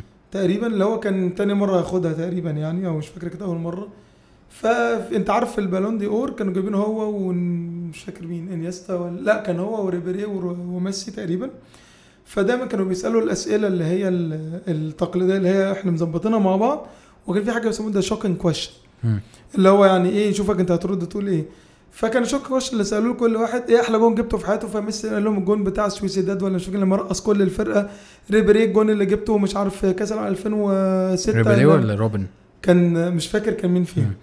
فرونالدو اللي هو ايه احسن جون جبته الراجل ده مش مجهز سؤال ها بص مم. بقى المنتاليتي لسه ما جبتش احسن جون نايس فاهم مم. مختلف مم. هو فعلا منتاليتي مختلف هو البنش مارك بتاعه مختلف فاهم وصلاح شرحه يعني صلاح من الحاجات اللي فارقه معاه اللي انا اظن ان هو فارق معاه جدا ان المنتاليتي بتاعته هو شايف نفسه يا معلم انا عايز ابقى مع ميسي ورونالدو انا مش مرتضي ان انا ابقى من التوب 10 بلايرز في العالم يعني هو عايز يطلع من كاتيجوري هازارد ومش عارف مين ومين لميسي ورونالدو مم. فاهم فهو على طول بيبتش الكلام ده وزي ما احنا بنقول دايما الكلمه الصعبه هو ليه ميسي ورونالدو ميسي ورونالدو عشان بقالهم 11 سنه بيجيبوا كل سنه 60 جون مم. 50 جون ففكره الكونسستنسي ان هو لا يكتفي لا ما انا ما بخ... عادي يا جماعه يعني حتى كنت لسه بحكي لهم برضه في تليفون- ضرب الامثال هو رونالدو لو اخد هداف في الدوري هيتبسط لا عادي ما ده العادي فاكر لما عمر في مره بقول له ده انا يا ابني ما ده العادي مم. فاهم فانت الفكره انت اللي يعني مثلا بقول لك عيش وجبنه بقى دلوقتي ما شاء الله بيبيع ارقام كبيره جدا وبقى و- انا ممكن واحد زي الله ده احنا كده فله حقيقه انا من جوايا ولا اصطنع كده لسه بدري جدا مم. عارف امتى احس ان انا نجحت لو بقى في خمسة ستة سبعة فروع وكذا براند والدنيا في اي حته تخش تعمل اوديت تاخد تسعة من عشرة خلينا نتفق ان مش هنوصل للكمال بس انا بقول كلمه للناس اللي بيقرب من الكمال ايه اللي بيسعى ليه انما طول ما انت اصلا يا عم محدش بيوصل للكمال الا واحده يا معلم احنا عارفين ان الكمال الا واحده مم. انت بقى بتحاول توصل له مم. لا بس هو الكمال لله وحده طيب يا معلم خلي الكمال لله وحده انما لا يبلغ الكمال الا سعي يعني اسعى يا معلم حاول موضوع بسيط بص انا دايما مقتنع طول ما انت في بزنس ما فيهوش راكت ساينس مم. موضوع بسيط فضاء بالظبط مم. موضوع بسيط ولا انا بقلب فيزيكس ولا بت- بتعمل مطعم اتعلم يعني انا قعدت كتير بتعلم وقعدت كتير بخطط واي حد من اصحابي يقول لي جينا افتح مطعم اقول له مستحيل فكره ان انا معايا 2 3 مليون افتح مطعم دي فكره جامعه كارثيه انت عندك حوالي 85% من المطاعم في مصر بتقفل مم. انت لو ركزت كده كل شويه عدى على الاماكن اه وهتلاقي- جدا جدا جدا و- جدا. وانت وانت لو دخلت المطعم ده وانت اول مره تدخله انت بتبقى عارف ان هو هيقفل حقيقي وبيبقى باين جدا ان هو يا حقيقي. اما مسعر غلط يا اما بورشنز كتير يا اما الاكل حقيقي. وحش يا اما الويترز كفرانين بيبقى باين جدا جدا فعلا ال- البيزنس بتاع المطاعم على قد ما هو زي ما احنا قلنا لو انت بقيت من ال يعني من ال 40 50 براند اللي بيبقوا كتير اه بتكسب اكتر من المخدرات مم. خلينا نبقى واقعيين ار واي عظيم مم. بس هو كام واحد بيكسب كده مم. لما تبقى ما احنا قلنا لو عندنا البراندات خلينا نبقى واقعيين لو كل الناس جمعت البراندات المشهوره هتعد 50 براند ده لو جبتهم اوت اوف مم. الاف اكيد الاف يعني احنا اخر سيرفي كنا عاملينه بتاع 2015 ده كانوا 7400 مطعم في القاهره بس مم. كونسبت مش فروع عد فروعهم هتلاقي فاهم انت بتقول ان انت حاطط خطه يعني استراتيجي لحياتك 2017 2000 مش Yes. عارف ايه بتاع آه، انا لسه برضه ما سالتكش انت عايز تعمل ايه في الكوره بس السؤال اه. ده اهم بالنسبه لي يعني اه. آم، انا اما بتكلمني عن صلاح ولا رونالدو ولا الورك اثيك بتاعك انت آه، انا بحس ان انا ما عنديش الطاقه او ال او الكونسيستنسي او الاستمراريه يس اللي انت بتتكلم عليها دي يس ف فهل مثلا دي مشكله في شخصيتي ولا هل مشكله ان انا ما لقيتش اللي انا عايزه آه، ولا ايه بالظبط بص يعني خلينا طبعا بما ان انا ما عنديش علم في الحته دي قوي فمش عايز افتي واهبد بس يعني خلينا نتفق ان هي اكيد مش بسبب انك ما لقيتش اللي انت عايز تشتغله اوكي بدل انا بعمل كده في- يعني عملت كده وانا شغال في التعليم مم. وسبت التعليم عملت كده وانا بشتغل في تراسيس فشلت في تراسيس عملت كده في ايجيبشن فودز سبت ايجيبشن فودز او يعني مجنبها عملت كده في فودز سبت فودز رحت بعد كده فود اند كومباني فهي الفكره ان انا بالنسبه لي هي انت عايز توصل لايه مم. وعلى فكره برضه دايما نقول للناس هو مش طبيعي ان ده الصح على فكره مم. هو ناس شخصيات في واحد بالنسبه له معلم انا عايز حياه فيها انر بيس فانا معلم مبسوط ان انا امبلوي يعني دايما برضه فكره هل الانتربرينور شيب ولا الموظف في الشركه معلم كويس. ناس شخصيات حلو فانت يا معلم بالنسبه لك مفيش اريح من ان انا باخد سالري للزوز وبروح البيت على الساعه 6 7 8 وبنسى الهموم واقعد بقى مع مراتي واخرج انت في الاخر ايه الهدف بتاعك في الحياه في ناس هدفها تربي عليها كويس وعايز اركز يعني انا برضو ما هو من دروباكس في اللي انا بعمله ده إن انا خلاص ما بشوفش عيالي مم. يعني وعندي قصص مريره بقى مع عيالي يعني كان يقعدوا يمسكوا في رجليا وانا نازل واحنا بنكره الشغل و- والجو ده ففي تريد اوفس مم. فهل انت ده اللي انت عايزه؟ ما هو بيني وبينك هل ده الصح؟ مفيش حاجه اسمها الصح. مم. الصح نسبي في الاخر. يعني دايما كنت اقول للناس طول ما في حاجه ما فيهاش ارقام وهي اراء كل الاراء هي بولشت. انما لو رقم هو واحد زائد واحد ممكن حازم يقول ثلاثه وبسام يقول واحد ونص. لا. لا هما اثنين. ففي الحاجات دي كلها اراء نسبيه. فانت الباشن بتاعك ممكن انت بالنسبه لك راجل ميشنري عندك اهداف عايز توصلها انك توصل فاليو معينه للجيل الجديد اللي مش عارف ايه. طب ليه عايز تشتغل 18 ساعه؟ مم. ما هي دي اهداف المشكله انا أنا بحس ان اهدافي معنويه عارف اوكي. ما هياش مش ديستنيشن يعني انا عايز مثلا أوكي. ابقى آه، ف- آه، مثلا فيجر اسلامك معروف في العالم كله اوكي. فانا مش يعني انا مش عارف ده اللي هو 2027 ولا مش عارف ولا اعمله سنه كام ولا يعني فاهم بص قصدي؟ دايما زي ما نقول للناس لازم تقفل وتقسم مايلستون صغيره مم. وحاجه لو كده بالنسبه لك فكره بينج بابليك فيجر انت اسهل حاجه انك تقسم مايلستونز بارقامك على اليوتيوب وارقامك على مش عارف ايه بعيدا طبعا عن طريقه الناس على فكره هو الانفلونسر بياكل عيش باللايكات لا هو خلاص كده انت عندك ميشن انت مش فارق معاك مم. هو كام لايك ولا بتقول راي اللي يريح الناس وخلينا واقعيين انت لو قلبناها ان انا هريح الناس ارائنا كلها هتختلف يعني أكيد. أكيد. اراء كتير جدا هتختلف فانا لا انا عندي ميشن معينه مش هكسب كل الناس لان هو كونك اسلامك فجر فده معناه انك هتضحي بناس كتير أكيد. أكيد. جدا وهتضحي باراء كتير جدا وهتضحي باراء يعني كتير في الزمن اللي احنا عايشين فيه ده بس اخر واقف ميشن مم. فاهم قصدي يعني انا ده من الحاجات اللي بقيس بيها عيش وجبنه ارقام يعني ده بنقول الارقام توضح لك كل حاجه مم. فانت بتدخل كام جاست في الشهر يعني دايما نقول للناس مش مهم بعنا بكام مم. ليه عشان مش عايز الكابتن يبقى مطلوب يعني كل مطاعم مصر لما تجيب منهم اي كابتن هو أنا التارجت بتاعي كام كويس فبيربط له اداؤه بالفلوس يقول له لا انت التارجت بتاعك نمبر اوف كاستمرز نمبر اوف ريفيوز بوزيتيف اند نيجاتيف هو ده اللي انا عايزه منك انا بقى كشركه مسؤول ان انا اسوق واجيب لك زباين مم. انما انت بالنسبه لك ان اللي يخش يطلع يدي ريفيو حلو مم. ان اللي يخش يجي تاني الريبيتيتيف كونسيومر انما مالكش دعوه بالنيو كاستمرز مم. فاهم فهي الفكره انك بحط مايلستونز احنا الشهر ده يا جماعه عايزين نوصل لان احنا بنبيع باكس نمبر اوف كاستمرز الشهر ده يعني احنا مثلا الشهر الجاي ان شاء الله هنحتفل بمرور 200000 زبون في عيش ان شاء وجبه الله تبارك الله فده رقم الحمد لله يعني مرعب خلينا نقول احنا 200000 نفسنا- زبون يونيك يس ان شاء الله لا خلي اليونيك عمر ما اعرف اعرفها اه انما 200000 زبون دخلوا للمكان تمام فده طبعا بالنسبه لي رقم آه، يعني لذيذ انت كده متوسط بتدخل في الشهر من 12 ل 15000 زبون في الشهر الارقام دي في سوق المطاعم مم. مرعبه يعني انت ان شاء الله اي حد ذكي مثلا زي ما انا كنت بقول للناس لو حسب افرج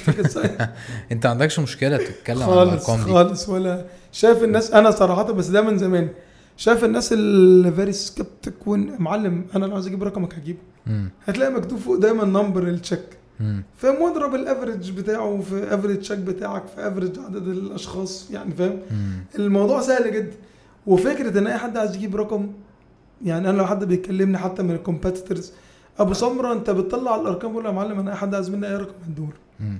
يا جماعه الموضوع مش مش هتفرق في حاجه يعني مش خالص خالص ولو حد عارف اعمل باخد- اعمل زيي بالظبط يعني انا كذا مره مثلا بيجي لي ناس آه عايزين يخطفوا الشيف عايزين مش... بقول له معلم على فكره هم رايح له أقول له بص الموضوع بسيط جدا تعالى لي وانا اقول لك اللي انت عايزه مم.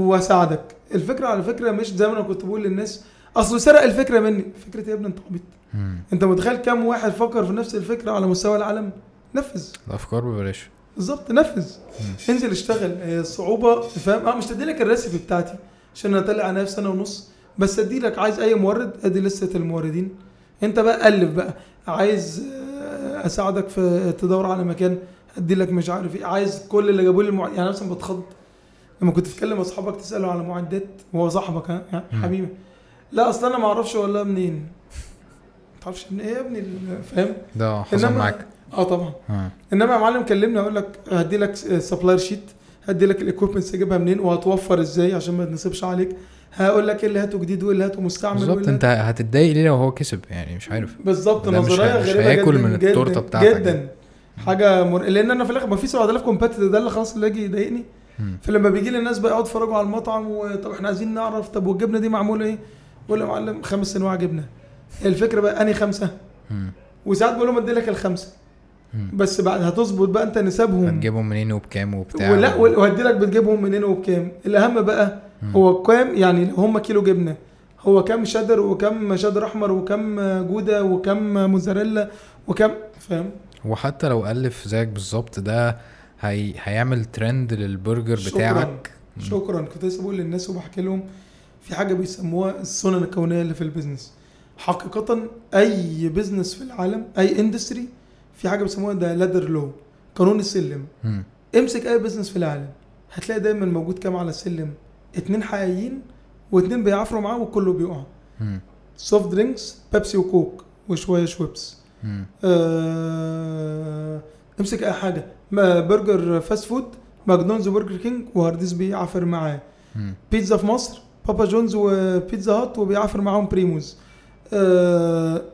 مم. وهكذا اي امسك في العربيات مرسيدس وبي ام واودي بتعافر معاهم في الالماني كيا وهيونداي في الكوري وبتعافر معاهم سونجا مونجا مش عارف مين الجديده دي آه، تويوتا وهوندا وبيعافر معاهم متسوبيشي اي اندستري هتمسكها مم. ليها اتنين ليدر ورانر اب وتالت بيعافر lead بمعنى الماركت شير اللي بيكسب بجد مم. اللي معاه ماركت شير تمام فهو ده ده سنن كونيه فانت دايما انا كنت بقول للناس لما حد يجي لي ونحط استراتيجي زمان للناس انت يا معلم لازم تبقى عارف اولا انت داخل في انهي مرحله من البيزنس سايكل مم. و وانت الاستراتيجي بتاعتك ايه ليه لاي بيزنس انت يا اما بتكريت فكرتك مم. يا اما بتخش تعافر في فكره اوريدي موجوده مم. يعني اوبر هو اللي اخترع الفكره صح وكريم عمل ايه دخل يعافر معاه كويس مظبوط نجحوا الاثنين هل في اكتر من اوبر وكريم في الشرق الاوسط مستحيل تقول لي بقى دوبسي لبسي اي حاجه مش هتنجح مش هتيجي غير لو مم. قرارات مصيريه تانية تخليهم ينجحوا بالعافيه ان انا هقفل لكم اوبر وكريم فاهم انما في الحقيقه السلم لا يحتمل اكتر من اقعد بص على كل البيزنس اللي في الدنيا هتلاقيه كده ولما الفطيره بتاعت البيزنس دي تكبر هتلاقيها بتتقسم يعني ايه مثلا سوق البرجر في مصر دايما انا بقعد اضحك على جروبات حد يعرف و... والشباب التجمع ولا مش عارف اسمهم ايه بتوع ال- ال- الجروب ده احلى برجر في مصر تلاقي يقول لك ماكدونالدز واحد يقول لك بافلو واحد يقول لك عيش وجبنه واحد يقول لك شوكس واحد يقول لك معلم انت بتقارن مين بمين مم. هو البرجر في الحقيقه في مصر اتقسم لثلاثه كاتيجوريز مم. في الفاست فود اللي هو فيه برجر كينج ماكدونالدز وماكدونالدز وهارديز في جورميه وفي جورميه اللي فيه لوسيلز وعيش وجبنه وبوتشر وشوكس وفي اللي في النص اللي هو لا انت ابن ناس قوي ولا انت فاست فود اللي هو بقى فيه آه كتير بقى يعني ممكن دادز بقى ومش عارف يعني اتمنى الناس ما تزعلش مني بس هتكلم بزنس دلوقتي آه دادز وويلز Wild. ووايلد وفي كتير قوي الصراحه مم. يعني فاهم كل دول دلوقتي في مرحله البيزنس ان البومنج او الترند بتاع البرجر مم. هيحصل له ايه؟ البرجر ده اخره بالكتير سنتين بعد كده يبتدي يتشكل السوق مم. لو انت ما لحقتش تحط رجليك ان انت آه. آه. واحد او اتنين شكرا يعني انت بتتكلم ان انه ما- بص في سنه كونيه أوكي. في البيزنس مم. اي بيزنس مم. لو حد عمل كريشن الفكره ندي امثله للناس عشان تبقى سهل حلو في اواخر الالفينات وفي مصر كانت موضه الوافلز مم. ايه اللي حصل كل شارع وكل حته في محل وافل مم. بعد اربع خمس سنين الموضه خلصت مين اللي اتبقى اتنين تلاته وافل ميكر ووافلشز مم. واي حد تاني ملوش لازمه اتنين برضه في الاخر اليوم دايما آه، دخل بعدها موضه الكريب مم. آه، سيتي كريب وعبد الله كريب ومحمود كريب وكل الناس كريب وفي الاخر اللي اتبقى مين برضه اتنين سيتي تلاته كريب وهتلاقي معاه واحد تاني ممكن مش احنا مركزين هو مين صح الموضه اللي بعدها حاليا البرجر يعني التو ترندز اللي في مصر البرجر واللبناني دلوقتي مم. في اللبناني فجاه بعد ما كان عندك من 3 4 سنين مثلا آه، براند بقى عندنا دلوقتي تمارا وكراكاس وايادينا وعنب بيروت ومحمود بيروت وهوا بيروت ومين بيروت وليلى وليلى من لبنان وليلى صاحبه لبنان حقيقة. فبيحصل ايه؟ هو البيزنس نجح، فين اللي بيحصل؟ مم. بيقول لك كل الناس هتجامب في البيزنس ده اوكي وفي الاخر يحصل ايه؟ هيتبقى اتنين على السلم والتالت اللي بياخد ماركت شير والاتنين دول ليهم اتليست 80% من الماركت شير مم. والباقي متقسم على كل اللي موجودين اوكي فالفكره بقى انك لازم تبقى عارف يعني إحنا مثلا بكدوشه كدوشه از لبنيز ميديتيريان براند احنا داخلين نخبط في مين؟ في تمارا وايادينا وكراكاس والشله دي ماشي ده مختلف عن عيش وجبنه عيش وجبنه احنا بنلعب في لالاند لوحدنا ماشي يعني تشيز كيلتس محدش عنده تشيز كيلتس فاهم قصدي؟ في بتاع ف- اسكن- اسكندريه ده اسمه البان سويسرا بس يعني ده موضوع مختلف خالص يعني البان سويسرا ده في الاخر هو عنده كاتيجوري اللي هي ال- الاورينتال عندنا مثلا وطبعا هي مش جبنه للاسف يعني لان مم. احنا مثلا جزء من الار دي اللي احنا عملناه ان احنا سافرنا وجبنا الحاجات دي وبعتنا المركز القومي للبحوث حللنا الجبنه يا راجل عشان نعرف الريسيبي ما الريسيبي عاجبه الناس مطيرات ايه بلاش دعوه بقى بس, بس يعني فيها بشاميل وفيها حاجة يعني الكور بتاعها مش الجبنه خالص اوكي لان هو في الطبيعي برضه دايما اقول كلمه مهمه للناس انا هتكلم عن المطاعم مفيش حد غبي ولا في حد ناصح يعني ايه اي حد بياكل اي اكله لازم تبقى انت عارف انت بتاكل ايه لو انت بتاكل برجر ب 100 جنيه في الاغلب تكلفه البرجر ده 40 جنيه مم. تاكل برجر ب 50 جنيه في الاغلب تكلفه البرجر ده 20 جنيه افريج من 35 ل 45% مم. بتاكل سندوتش كبده وز- من العربيه ب 2 جنيه انت تبقى عارف انت بتاكل ايه يعني لا في حد غبي فبيخسر المفروض يعني بعيدا ان في آه، استثناءات ولا في حد ناصح جدا اللي هو تكلفه البرجر ب 10 جنيه ببيعه 100 جنيه مم. مش هعمل كده اوكي فاهم قصدي؟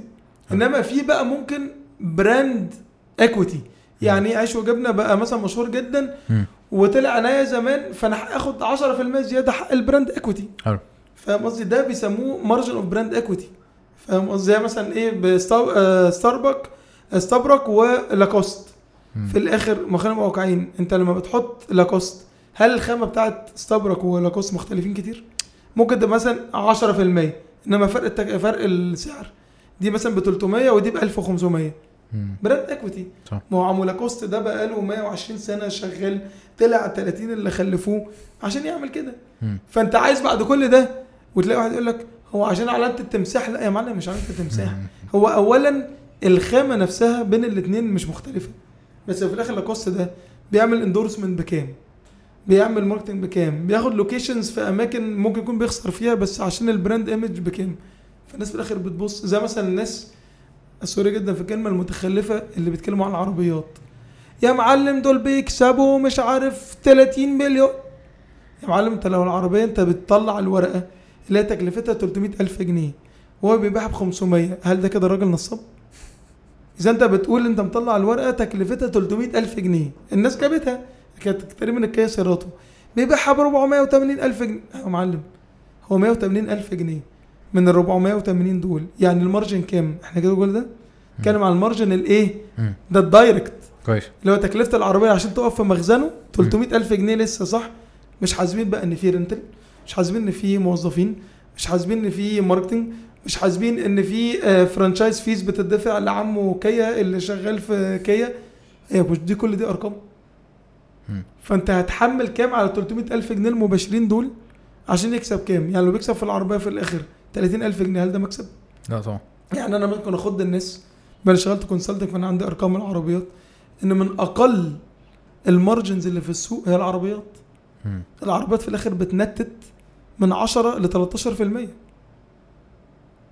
نايس ده ار اي محترم اصلا لا لا يا طبعا. معلم ده انا احط فلوسي في البنك بعد ما هي حرام يعني واخد ال 14% وبطني تخصيفي انما في الاخر المارجن لذيذ ليه؟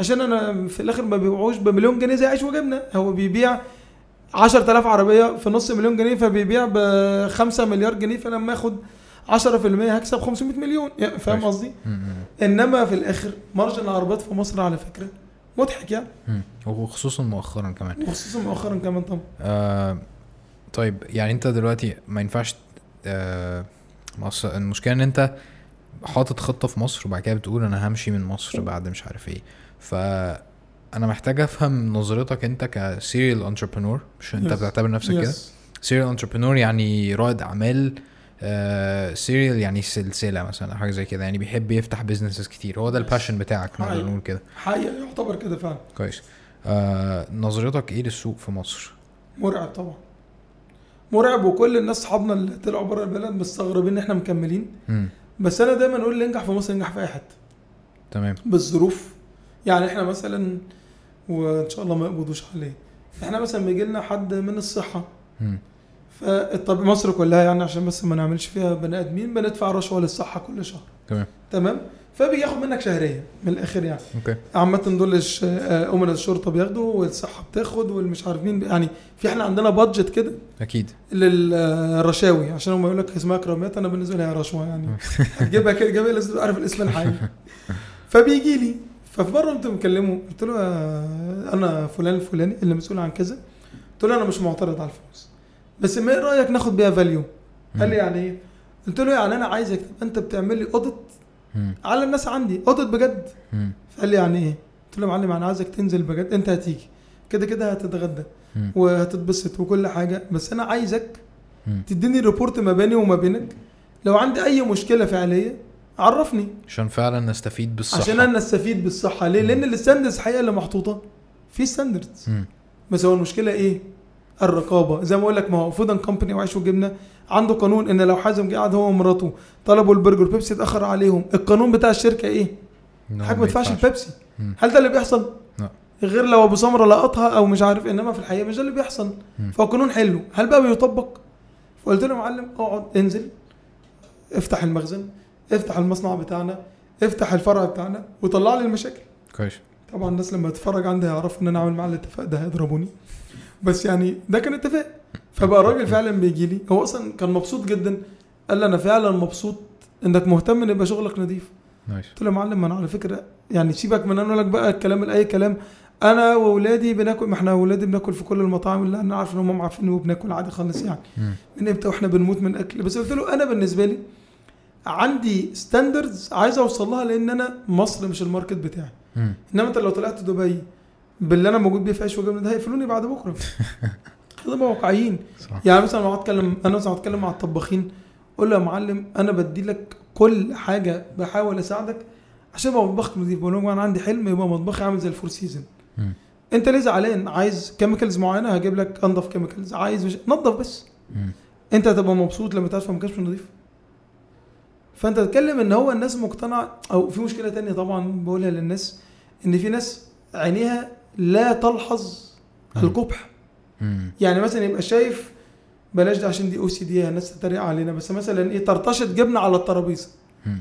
لا دي وساخه نظفها يا معلم انا مش طالب منك انك يا عم ده ده بنتكلم في البيزكس لسه لسه بقى عايز اقول لك ايه وبعد كده عقمها وبعد كده مش عارف ايه واغسل ايديك مش عارف ايه واغسل ايديك كل ربع ساعه واحنا عاملين لهم جرس كل ربع ساعه يغسل ايده فاهم فجينا مره فقمت جايب المدير قلت له بص يا معلم انا عايزك كل ما الجرس يرن بصوت عالي واش هاند واش هاند. اعملها لعبه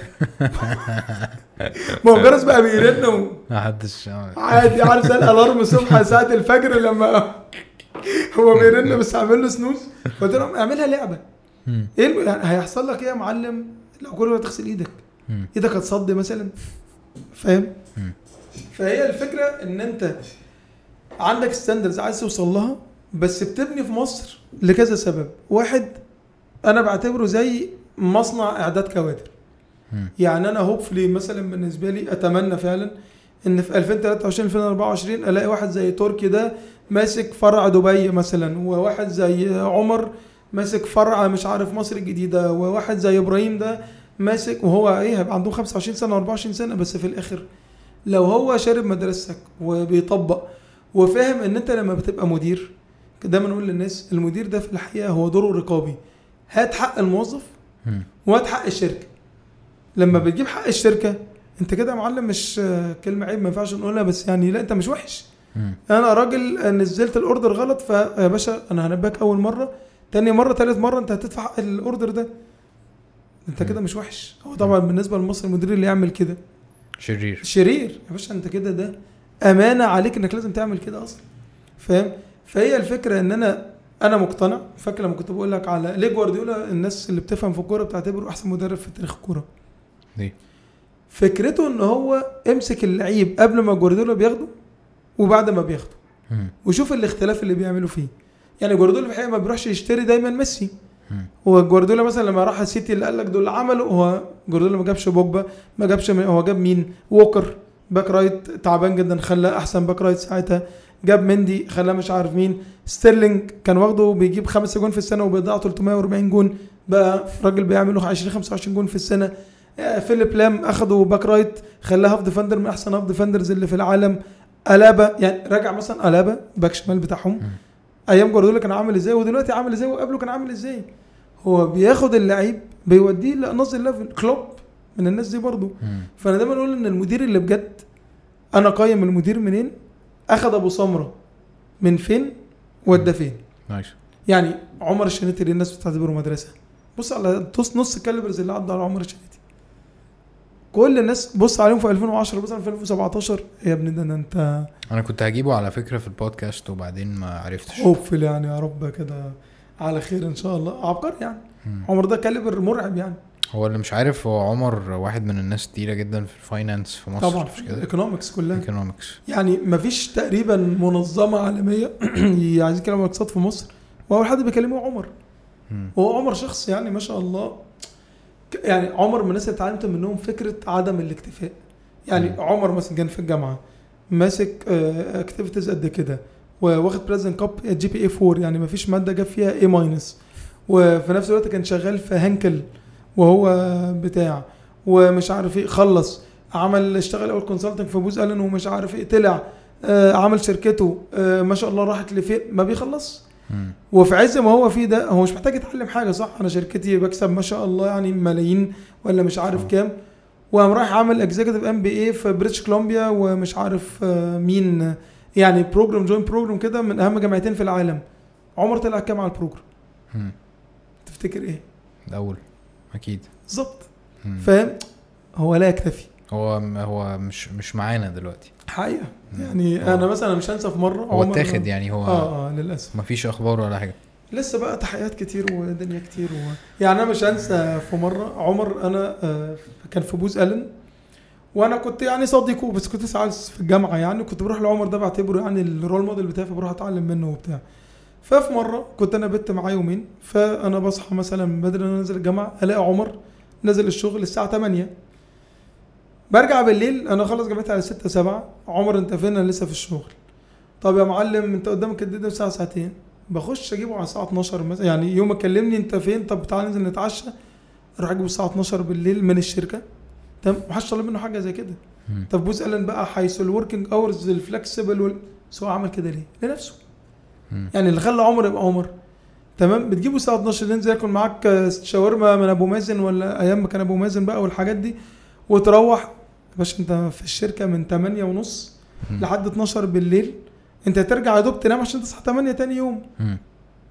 هخش انا مثلا انام اصحى الفجر الاقي عمر ده ايه قاعد بيقرا في كتاب من كتب البيزنس المختلف يا مرعب يعني فانا بقول للناس اللي بتقول لك هو عمر وصل ازاي لا عمر يا جماعه الكاليبر اولا ده بنقول الكاليبر عباره عن حاجتين ذكاء او تالنت لو هي م- حاجه مم. محتاجه الموهبه وهارد وورك مم. ولكن الاكسبشنال بقى اللي بقى ايه اللي يقتل الاثنين مم. يعني يا اما هتلاقي عندك كاليبر سالنت جدا زي مثال شيكابالا او وبس ما عندوش هارد وورك او واحد زي صلاح هو هارد وورك مش عارف ايه بس الاكسبشنال يعني نعم، اللي عنده الاتنين. الاثنين مم.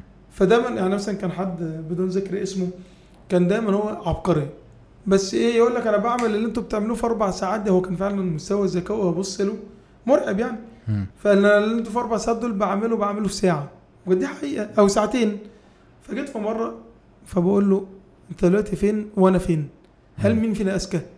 هو باي فار يعني كان هو اذكى مم. فقلت له انت عارف المشكله ايه؟ انا لو كنت مكانك وعندي القدره بتاعتك دي كنت في الاغلب هبقى ضعفايا اللي انا فيه دلوقتي مش فكره ايه اللي انت عملته ايه؟ انت بقيت تعمل ساعه اللي انا بعمله في اربعه بس انا بشتغل 8 ساعات او 12 ساعه فانا بعمل ثلاث حاجات من اللي انت بتعمله الزحلفه والارنب بالظبط كده مم. فهو فضل يعني لحد دلوقتي مثلا تلاقيه اكونت مانجر في شركه ان هو كان راجل عبقري مم. بس هي الفكره ايه؟ ما انا يا معلم بعمل اللي انتوا بتعملوه ده في ساعتين انا بعمله في ساعه ايوه يا معلم طب ما تعمل بقى ضعفين اللي احنا بنعمله هتبقى اكسبشنال نايس. فاهم قصدي؟ أم، عايز اسالك على اللي انت كنت عايز تعمله في الكوره مم. انا نفسي حلم حياتي بقى اشتغل سكاوت مم. آه انزل افريقيا وادور على المواهب واطلعهم و... بص انا عندي باشن دايما يعني انا دايما كل شويه ابعت لاصحابي خلي بالكم في لعيب فلان الفلاني ده عنده 18 سنه طلع في الدوري الم... ويتريقوا عليا وتلاقيه بعد سنتين مثلا بقى يعني مثلا هاري كين مم. انا كنت انت اللي متابعه مكتشفه كنت كان بيلعب في كان يعرف في الدرجه ده ده- الدوري الدرجه الاولى وكان عيل صغير يعني هو كان لحد دلوقتي لسه صغير اصلا بس هو عشان بان بدري فكده بقول لسه كمان في لاعب اسمه هاري كين سترايكر ذا رايت ديفينيشن اوف نمره تسعه مم. التوصيف الصحيح للاسترايكر رقم تسعه يا معلم انت بتتكلم عليه في الدرجه الثانيه في الدوري الانجليزي وفعلا بعد فتره فاهم مم. ستيرلينج نفس فانا دايما من الحاجات اللي بحاول اعملها دايما انا بريل على الاقل كل يوم كل يوم اتليست ساعتين لثلاثه في الكوره مم. الخطط والاستراتيجيز وده عمل ايه واقعد اجيب الماتشات وتحليلاتهم على- فاهم قصدي؟ نايس فده باشن ده اللي انا بحبه بس في الاخر مع ان فلوس الدنيا على فكره كلها في الكوره يعني مم. انت لو سكاوت محترم واكتشفت لك بس اتنين تلاته لعيبه بتوكيل اعمالهم وبتاخد 10% من عندهم كل سنه مش عارف- نايس انا نفسي ابقى مدرب من احلام حياتي يس انا بالنسبه لي بس المدرب عشان انا عام لحد 2027 مم. فانت هتبقى خلاص وصلت لسنه هيبقى عندي 29 سنه بس هم 40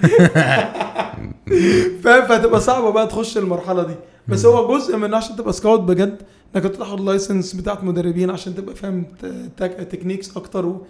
يعني ده جزء من الباشن بتاعي ان اول ما الدنيا تستقر كده ابتدي اطلع ادرس مم. يعني ما له علاقه بالكوره واخد بقى فيفا لايسنس ايجنت وي وي وهكذا واعيش حياتي بقى في السكاوتنج بتاع اللعيبه يعني نايس جامد جدا انت بتوازن آه، بسبب الاكتيفيتي بتاعتك دي وبمعرفتك بان انت ما بتقول ان انا ولادي ومش عارف ايه وكده Yes. بتوازن ازاي الورك لايف ولادي مقصر معاهم جدا مراتي مقصر معاها اكتر آه يعني انا بشتغل تاني ممكن يكون في اليوم افريج مش اقل من 10 12 ساعه غير ان انا عندي يعني ده ما حدش ياخدهم مني الساعه قبل ما بنزل في الباشن بتاعي وساعه ساعتين بالليل لما اروح في الباشن بتاعي فيعني للاسف بس بحاول بقى ان ايه الدنيا لو هاديه باخدهم افسحهم اخدهم طبعا دلوقتي بيكرهوا عيش وجبنه من كتر ما انا كل مره تعالوا لي عيش وجبنه فاهم فده تقصير يعني اتمنى ان انا اعوضه لما الدنيا تهدى شويه يعني.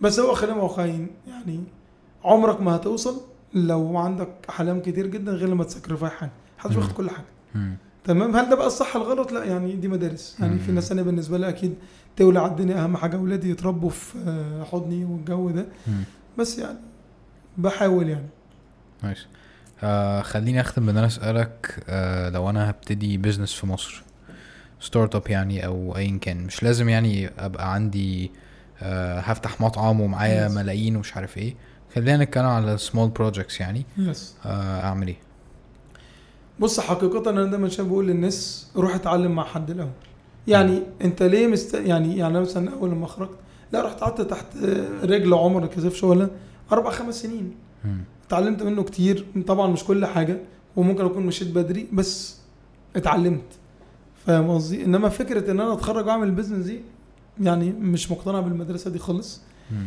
نمره اتنين يعني حاجه مهمه جدا يا جماعه الستارت اب مش لازم يبقى تكنولوجي ستارت اب والمطعم ستارت اب والكشك ستارت اب وال آه، لو فتحت بيج على الفيسبوك آه، ستارت اب ويعني مثلا ناس زي طارق ابو العزم بتاع مم. فاترينا ده انا برضو يعني اريكومند ان انت في مره تستضيفه مم. طارق انا من هو شافه من هو كده بيتخرج في الجامعه هو الصغير ومتخيل لازم يوصل لحاجه مم. طارق كان شخص بيشتغل 24 ساعه عشان يوصل اللي هو عايز يوصل ففي الاخر فكره ال... فاكر بنقول ديسيبلين persistence كونسيستنسي كل دي مم. سينونيمز يعني بعيدا عن معناها قصدي يعني الفاريبلز اللي توصلك للي انت عايز توصله مم. تمام ففاترينا دلوقتي ما شاء الله بقى عندهم شاء سبعة ثمان فروع وبيبيعوا قد كده وفي الاخر بس في الاخر طارق ما, ما اتخرجش عمل كده مم.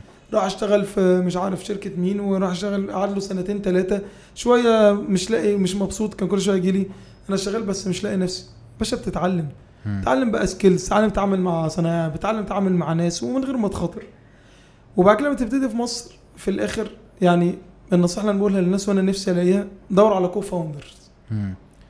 وكو فاوندرز واقعدوا كتير اتفقوا حلو جدا صح يعني انا بقول للناس يا معلم اقعد شهر واثنين حط وثلاثه واربعه سيناريوهات كتير جدا مم. ودايما يبقى واضحه وصريحه واكتبوا جدا صح عشان لما تختلفوا هترجعوا للورقه هتختلفوا برضه لما تختار عشان ده هيحصل هيحصل هيحصل خلينا نبقى واقعيين مفيش حد مش هيختلف تمام فلما تختلفوا وفي ورق مكتوب كلنا ماضيين عليه اللي هيصمم على اختلافه يبقى ابن 60 تيت بقى ده ملناش دعوه بيه انما في واحد هيرجع اه ايه ده يا جماعه احنا كنا متفقين فعلا ان اللي بيدير بياخد مثلا 5% او بياخد 30% اه طب خلاص يا جماعه ليه ده ما اللي بيحصل اشهر الحاجات اللي انا ما حضرتها ورحت حكمت فيها ومش عارف ايه يا معلم آه احنا اتفقنا ان حازم هيدير آه عيش وجبنه وهنديله مثلا 50% اه ما هو عيش وجبنه يعني بيبيع بكام هيكسب كام يعني يكسب آه 10000 يعني بياخد 5000 في الشهر ده لو شغال في اي حته ياخد 20000 جنيه ده هو ده عبيط انه موافق على كده مم.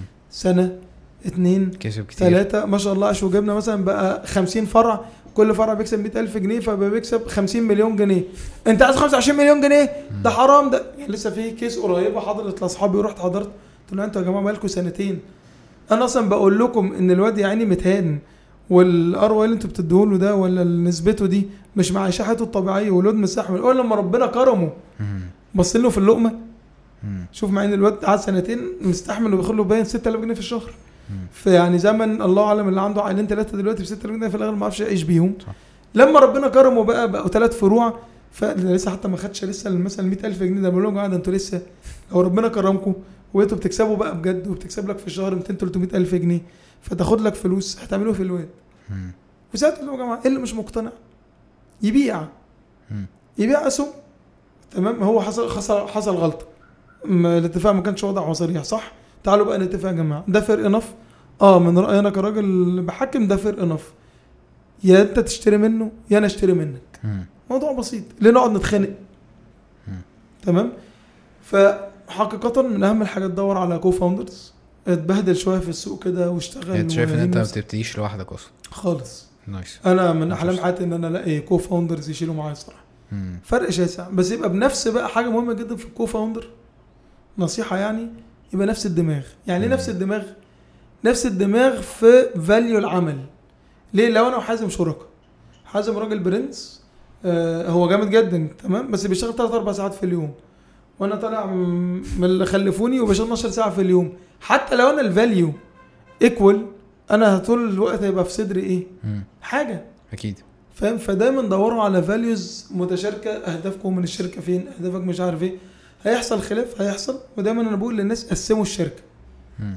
يعني حازم بتاع ماركتنج وانا بتاع فاينانس يا معلم القرار النهائي في اي حاجه ماركتنج بعد ما نتناقش بتاعت حازم كويس اي حاجه في الفاينانس بتاعت ابو سمره مهما ليه عشان انا اشيل مسؤوليتها برو بتاعها بالكونز بتاعها بهكذا مم. يعني مثلا عيش وجبنه احنا معانا انفسترز كتير احنا عاملين شركه مساهمه آه شركه زي مثلا محدوده بس ما حدش بيفتح بقه في الاوبريشنز مم. بس كل ثلاث شهور ولا اربع شهور نقعد ايه النظام يا جماعه الارقام حلوه تمام انا نفسي مم. عامل انفستمنت في حاجات مختلفه مش كل حاجتي في بيضه واحده عمري ما اخش اتدخل في حاجه مم. آه، ايه الاخبار حزوم ايه النظام آه، الدنيا تمام تمام انا مش شريك حزم انا يعني بقول مثال يعني آه، الدنيا تمام والارقام حلوه ربنا انت بقى بتديرها يمين بتديرها شمال بتديرها في النص يا معلم مش انت بتدير مم. الدنيا ماشيه كويس وجايب تارجتس بتاعتك اخش ليه مم. عندك بقى مشكله ان المذيعين بيحبوا ينظروا وانت مش عارف اصلا ايه اللي بيحصل في البيزنس فاهم فاهم معلم لو في واحد راكب وبيدير يا تديله الفول ديليجيشن يا تسحبها منه وشوف حد غيره بس ما تقعدش تخانق. اه صح تمام فكو فاوندرز يبقوا نفس الفاليو ما تشتغلش بفلوس حد مم. غير لما تكون حاطط انت فلوس الناس في مصر مش عارفه تحط فلوسها فين وناس كتير معاهم فلوس في مصر وكل اصحابي اللي شغالين في المالتي ناشونالز معاهم فلوس ويا اما البنك بالنسبه له حرام يا اما البنك بيجيب له 12% فمش حاسس ان في فاليو قوي فمعاه محوش له 50 60 الف جنيه مم. لما بيصدق يلاقي حد من اصحابه بي- شاطر بيشتغل في البيزنس بس يا معلم حط معاهم فلوس مم. انما فكره انا بلم فلوسي يا جدعان ومش شايل اي ريسك اصل انا مضحي بمستقبلي جميل حط معاهم فلوس برضه مم. فاهم اصل انا معيش فلوس بيع عربيتك يا معلم وحط معاهم فلوس فاهم اصل انا يعني انا من الحاجات اللي عملتها بعت شقتي زمان انا دلوقتي قاعد في شقه ايجار مم. وبعت شقتي وحطيت فلوس الشقه دي في بزنس وخسرت آه، ايام تراسيس دي يعني فلوس حياتي كلها وابتديت تاني من الصفر ومريت بديبريشن مود قعدت فيه 3 4 شهور لحد ما طلعت منه وده شهور انا شخص ما بقعدش في البيت مم. كنت فاهم ما اقدرش انزل من البيت يا فاهم توتال ديبريشن انت راجل بعت شقتك وبعت مش عارف ايه وبعت اسهمك في الناتي ساينتس وبعت مش عارف وفجاه فلوسك كلها بقت بلح مم. غير ان انت خسرت ناس عمرها ما كانت حصلت معاك فاهم ففي الاخر حط فلوس معاهم عشان تبقى الناس شايفه ان انت حاطط فلوس ما تقعدش تقول ان انا معيش فلوس لا عندك عربيه يبقى انت معاك فلوس عندك بيت يبقى انت معاك فلوس بيعهم او استنى لحد ما معاك فلوس وبعد كده اشتغل بفلوس الناس دي حاجه مهمه جدا او لم من اصحابك ما فيش مشكله لما تلم من الناس تبقى الدنيا واضحه في الاتفاقات كلها مم. في الاخر زي ما انا اقول للناس لما تيجي تحط بيزنس الموضوع محتاج شويه مذاكره مم. يعني لما تعمل انفستمنت في بيزنس ذاكر هتعمل ايه جديد او انا مش هعمل حاجه جديده بس انا هبرفكشن اللي هم بيعملوه مم. وليه وفين واستعين باصحاب الخبره يعني اي بيزنس في الاخر هتلاقي ناس نظيفه هيساعدوك مم. عايز مطاعم يا معلم هتكلم ناس هتلاقي حد يساعدك هيقول لك نصيحتين ثلاثه اربعه هيوفر لك مشوار كتير بتعمل ستارت اب الف من عملوا حاجات تكنولوجي في مصر بتعمل سوبر ماركت هتلاقي ناس عملت بتعمل شركه مقاولات هتلاقي ناس عملت مم. وهكذا وده من اللي بقوله للناس حاول يعني تعمل بزنس في اللي انت طلعت منه يعني انا شغال اكونت مانجر في شركه ادفرتايزنج ايجنسي وقعدت 3 4 سنين وكنت شاطر جدا لما تطلع اعمل اعمال ادفرتايزنج ايجنسي كويس معاك كونتاكتس معاك مش عارف ايه معاك مش... ولازم الناس اصلا اصحاب الشركات يبقوا فاهمين ان ده الطبيعي اللي بيحصل انا دايما بتبقى دايما خناقه شهيره جدا ده كان شغال معايا وراح فتح شركته ايوه انت يعني مستني ايه يعني فاهم يا اما انت تبقى انصح وتخليه شاركك تعرض عليه طبعا مش هتعرض الشركه وكلام بس قول له يا معلم لو تحب آه، تعالى اشتري مني 2% 5% 10% قيمه السهم كذا وبنكسب كذا بدل ما تعمل حاجه ما تيجي تبقى انت كوفا- كو بارتنر معاه مم. فاهم انما انت يا معلم ما بتعملش كده والواد عندك هو النجم بيبيع لك 80% من مبيعات الشركه علاقاته بكل الناس طبيعي ما هو كمان حقه يحلم بالخطوه اللي بعدها صح فاهم يعني انا دايما اقول للناس يا معلم اي حد يجي يفتح حاجه انا هساعدك مم. فاهم يا باشا مش هتاخد مني والله ما هو كده كده عندك 30 منافس ادفرتايزنج ايجنسي لما هو ده اللي هيفتح يعني هو ده اللي هياكل منك السوق اه اخد منك شويه كلانتين اللي هم بقوا اصحابه رزقوا زي ما انت على فكره من اربع سنين كنت في ليو برنت ومشيت وخدت كلاينز وكنت قبلها في جي دبليو تي وخدت هو ده الطبيعي يعني فاشتغل في الشغلانه اللي انت فيها انت شغال بتاع مقاولات في شركه مقاولات كبيره زي صدق ومش عارف ايه خلاص يا معلم قعدت سبع ثمان سنين اطلع واعمل شركه مقاولات صغيره و- وبيع لصدق ما هم بيجيبوا مقاولين قد كده هيبقى اكيد الاولى ليهم المهندس بتاعهم اللي بقاله سبع ثمان سنين وفاهم دماغهم وفاهم دنيتهم ف... فدايما اشتغل في شغلانه انت فاهم دايما عمر كان قال لي كلمه والمره الوحيده اللي ما سمعتش كلامه فيها اللي لبست فيها اللي اترسس يعني كنت دايما اخد راي عمر يقول لي اه لا فترسس قال لي لا فسالته ليه؟ قال لي اوعى تشتغل في بزنس لما حد يمسكك من ايديك اللي بتوجعك تعرفش تشمر وتشيله يعني ايه يعني ايه؟ ترسس كانت معتمده على ايه؟ مثلا عن- بروجرامنج وسوفت وير آه. وحاجات كده الكور بتاعها هو ده مم. لو انا عايز اعمل اي حاجه واتخانقنا فهمتك طب يا معلم انا هشد الفيشه انا مش هشتغل وقعت انما المطعم مم. لما الدنيا هتقف كل اللي في الصاله دول انا هشتغل يعني انا جالي في رمضان السنه اللي فاتت رمضان ده بيبقى عندنا بالليل ضرب نار ففي مره اتعمل مؤامره لذيذه جدا فجاه لقيت المدير والاربع كباتن واثنين وتريه احنا يا ريس مش هنشتغل غير لو مش فاكر كان ايه مم. فقلت له يا جماعه طب وعلى ايه؟ روحوا نروح يا ريس ده النهارده الخميس قلت لهم يا جماعة هنروح موضوع بسيط احنا افرج الخميس ده بناخد كدوشه وعيش وجبنه في رمضان نفرشه كله فيبقى عندك حوالي 300 وشويه سيت ان شاء الله تمام وكان معايا مين كل الكباتن مشوا مفيش مدير وخلاص بس في الاخر احنا بنعمل ايه بنعمل ساينس بنعمل كمبيوتر ساينس بنعمل بتاع قمت عملت ايه اماني صلاح دودج عدني آه حافظ كل اصحابي اللي في التجمع بعد اذنكم يا جماعه محتاج مساعده قمت جايب الوتريه الشباب اللي هم لسه مش كباتن اللي هم ما قالوش بصوا يا جماعه النهارده ده موقف هيفرق معاك يا اما بعدها هتبقى كابتن يا اما ما عليكش اي ذنب هنلبس في الحيط وربنا يستر وقمت منقي اكتر ثلاثة أربعة حافظين المنيات شوية وامسك ستيشن يا معلم وامسك ستيشن وامسك ستيشن وامسك ستيشن وقمت جايب آه، صالح امسك انت الويتنج ليست فلان امسك انت البافرج رانر انت عارف المشاريب كلها بهاتهم وهاتهم آه، باشا انت اقف على الاكسبو آه، هتطلع على الاكل انت عارف شكل المنيات عشان انت في الار ان دي فانت حافظ كل حاجه وانا يا معلم في ظهركم كلكم في كل الفلور تلاقيني بلف على البتاع كله وعدينا اليوم جامد جدا. حصل شويه اخطاء طبعا اكيد ما هو الناس أكيد. كلها مش خبره بس في الاخر اليوم عدى ويوميها كان اليوم الوحيد اللي في عيش وجبنه والناس كلها من ساعتها قعدت تعيط ان احنا يعني من كتر كانت الدنيا زحمه فطرنا اخر ناس قبل الفجر مثلا بربع ساعه لما الناس قبل الفجر اذن كل الجس اللي فوق قعدوا يسقفوا للشباب فاهم هم الن- الناس شايفه قاعد بيجري والعدد قليل ما انت كان عندك ال 10 دول غير السبعه ثمانيه اللي مشيوا مم. فانت مقسم اصلا المان باور على ناس مختلفه مم. الناس فعليا لان الناس ما لحقتش تصحى ساعتها انت اخر تربيتك كانت قبل ربع ساعه من البتاع مم. لقيت ال- الجست كله قاعد بيسقف ل... لل- يعني هم كانوا مدركين ال الس- واضح ان الدنيا ايه لان الايه انا بتعدي على الترابيزات انا دايما ببقى صريح جدا انا دايما بقول للناس انا تحب مدرسه تحكي الصراحه القصه مم. يا جماعه احنا اسفين جدا احنا عندنا اوبريشن بريك داون احنا حصل عندنا مؤامره وكل الكباتن الخبره ماشيين فبعد اذنكم بالراحه على الوتريه اللي معاكم كنت بقول كويس لهم كده ففي جاس طبعا لا يتقبل في جاس يقول لك آه وانا مالي انا هي مشكلتي مم. يا فندم هشوف حضرتك عايز ايه لو حصل لك مشكله هتلاقيني انا بتمشى اسمي مصطفى ناديني وفي جس ايه يقول لك ايه يعني انا مش هنسى ان في اليوم ده في ترابيزه قامت جابت الاكل كانوا هم 25 بني ادم تقريبا اقسم بالله يوميها عملوا ستيشن من اول ترابيزتهم لحد المطبخ بيبصوا الاكل لبعض الشباب كلهم ولاد ناس انا حتى أنا رحت بعدها اسلم عليهم لقيتهم كلهم اي سينز وجي سينز فشايف حاسين ان الدنيا مدربكه حاسين ان في حاجه مش طبيعيه وهم كذا واحد منهم كان لويال جست فعمال لقيته بيقول لي ابو سمره محتاج مساعده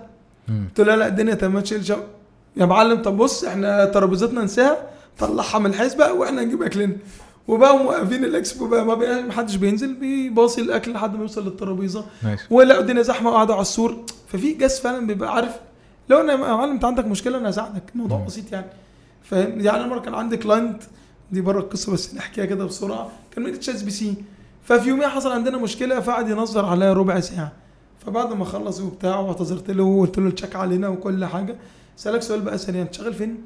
فقال لي اتش اس بي سي قلت له فرع ايه؟ قال لي بدون زهير قلت له طب عارف الفرع عندكم بلاويه؟ قال لي اه قلت له طب حل مشاكلك بقى فاهم هو يا باشا ده الاوبريشن هل في اوبريشن ما فيهوش غلطه؟ مم. هو الفكره لما يحصل غلطه احنا هنعالجها ازاي؟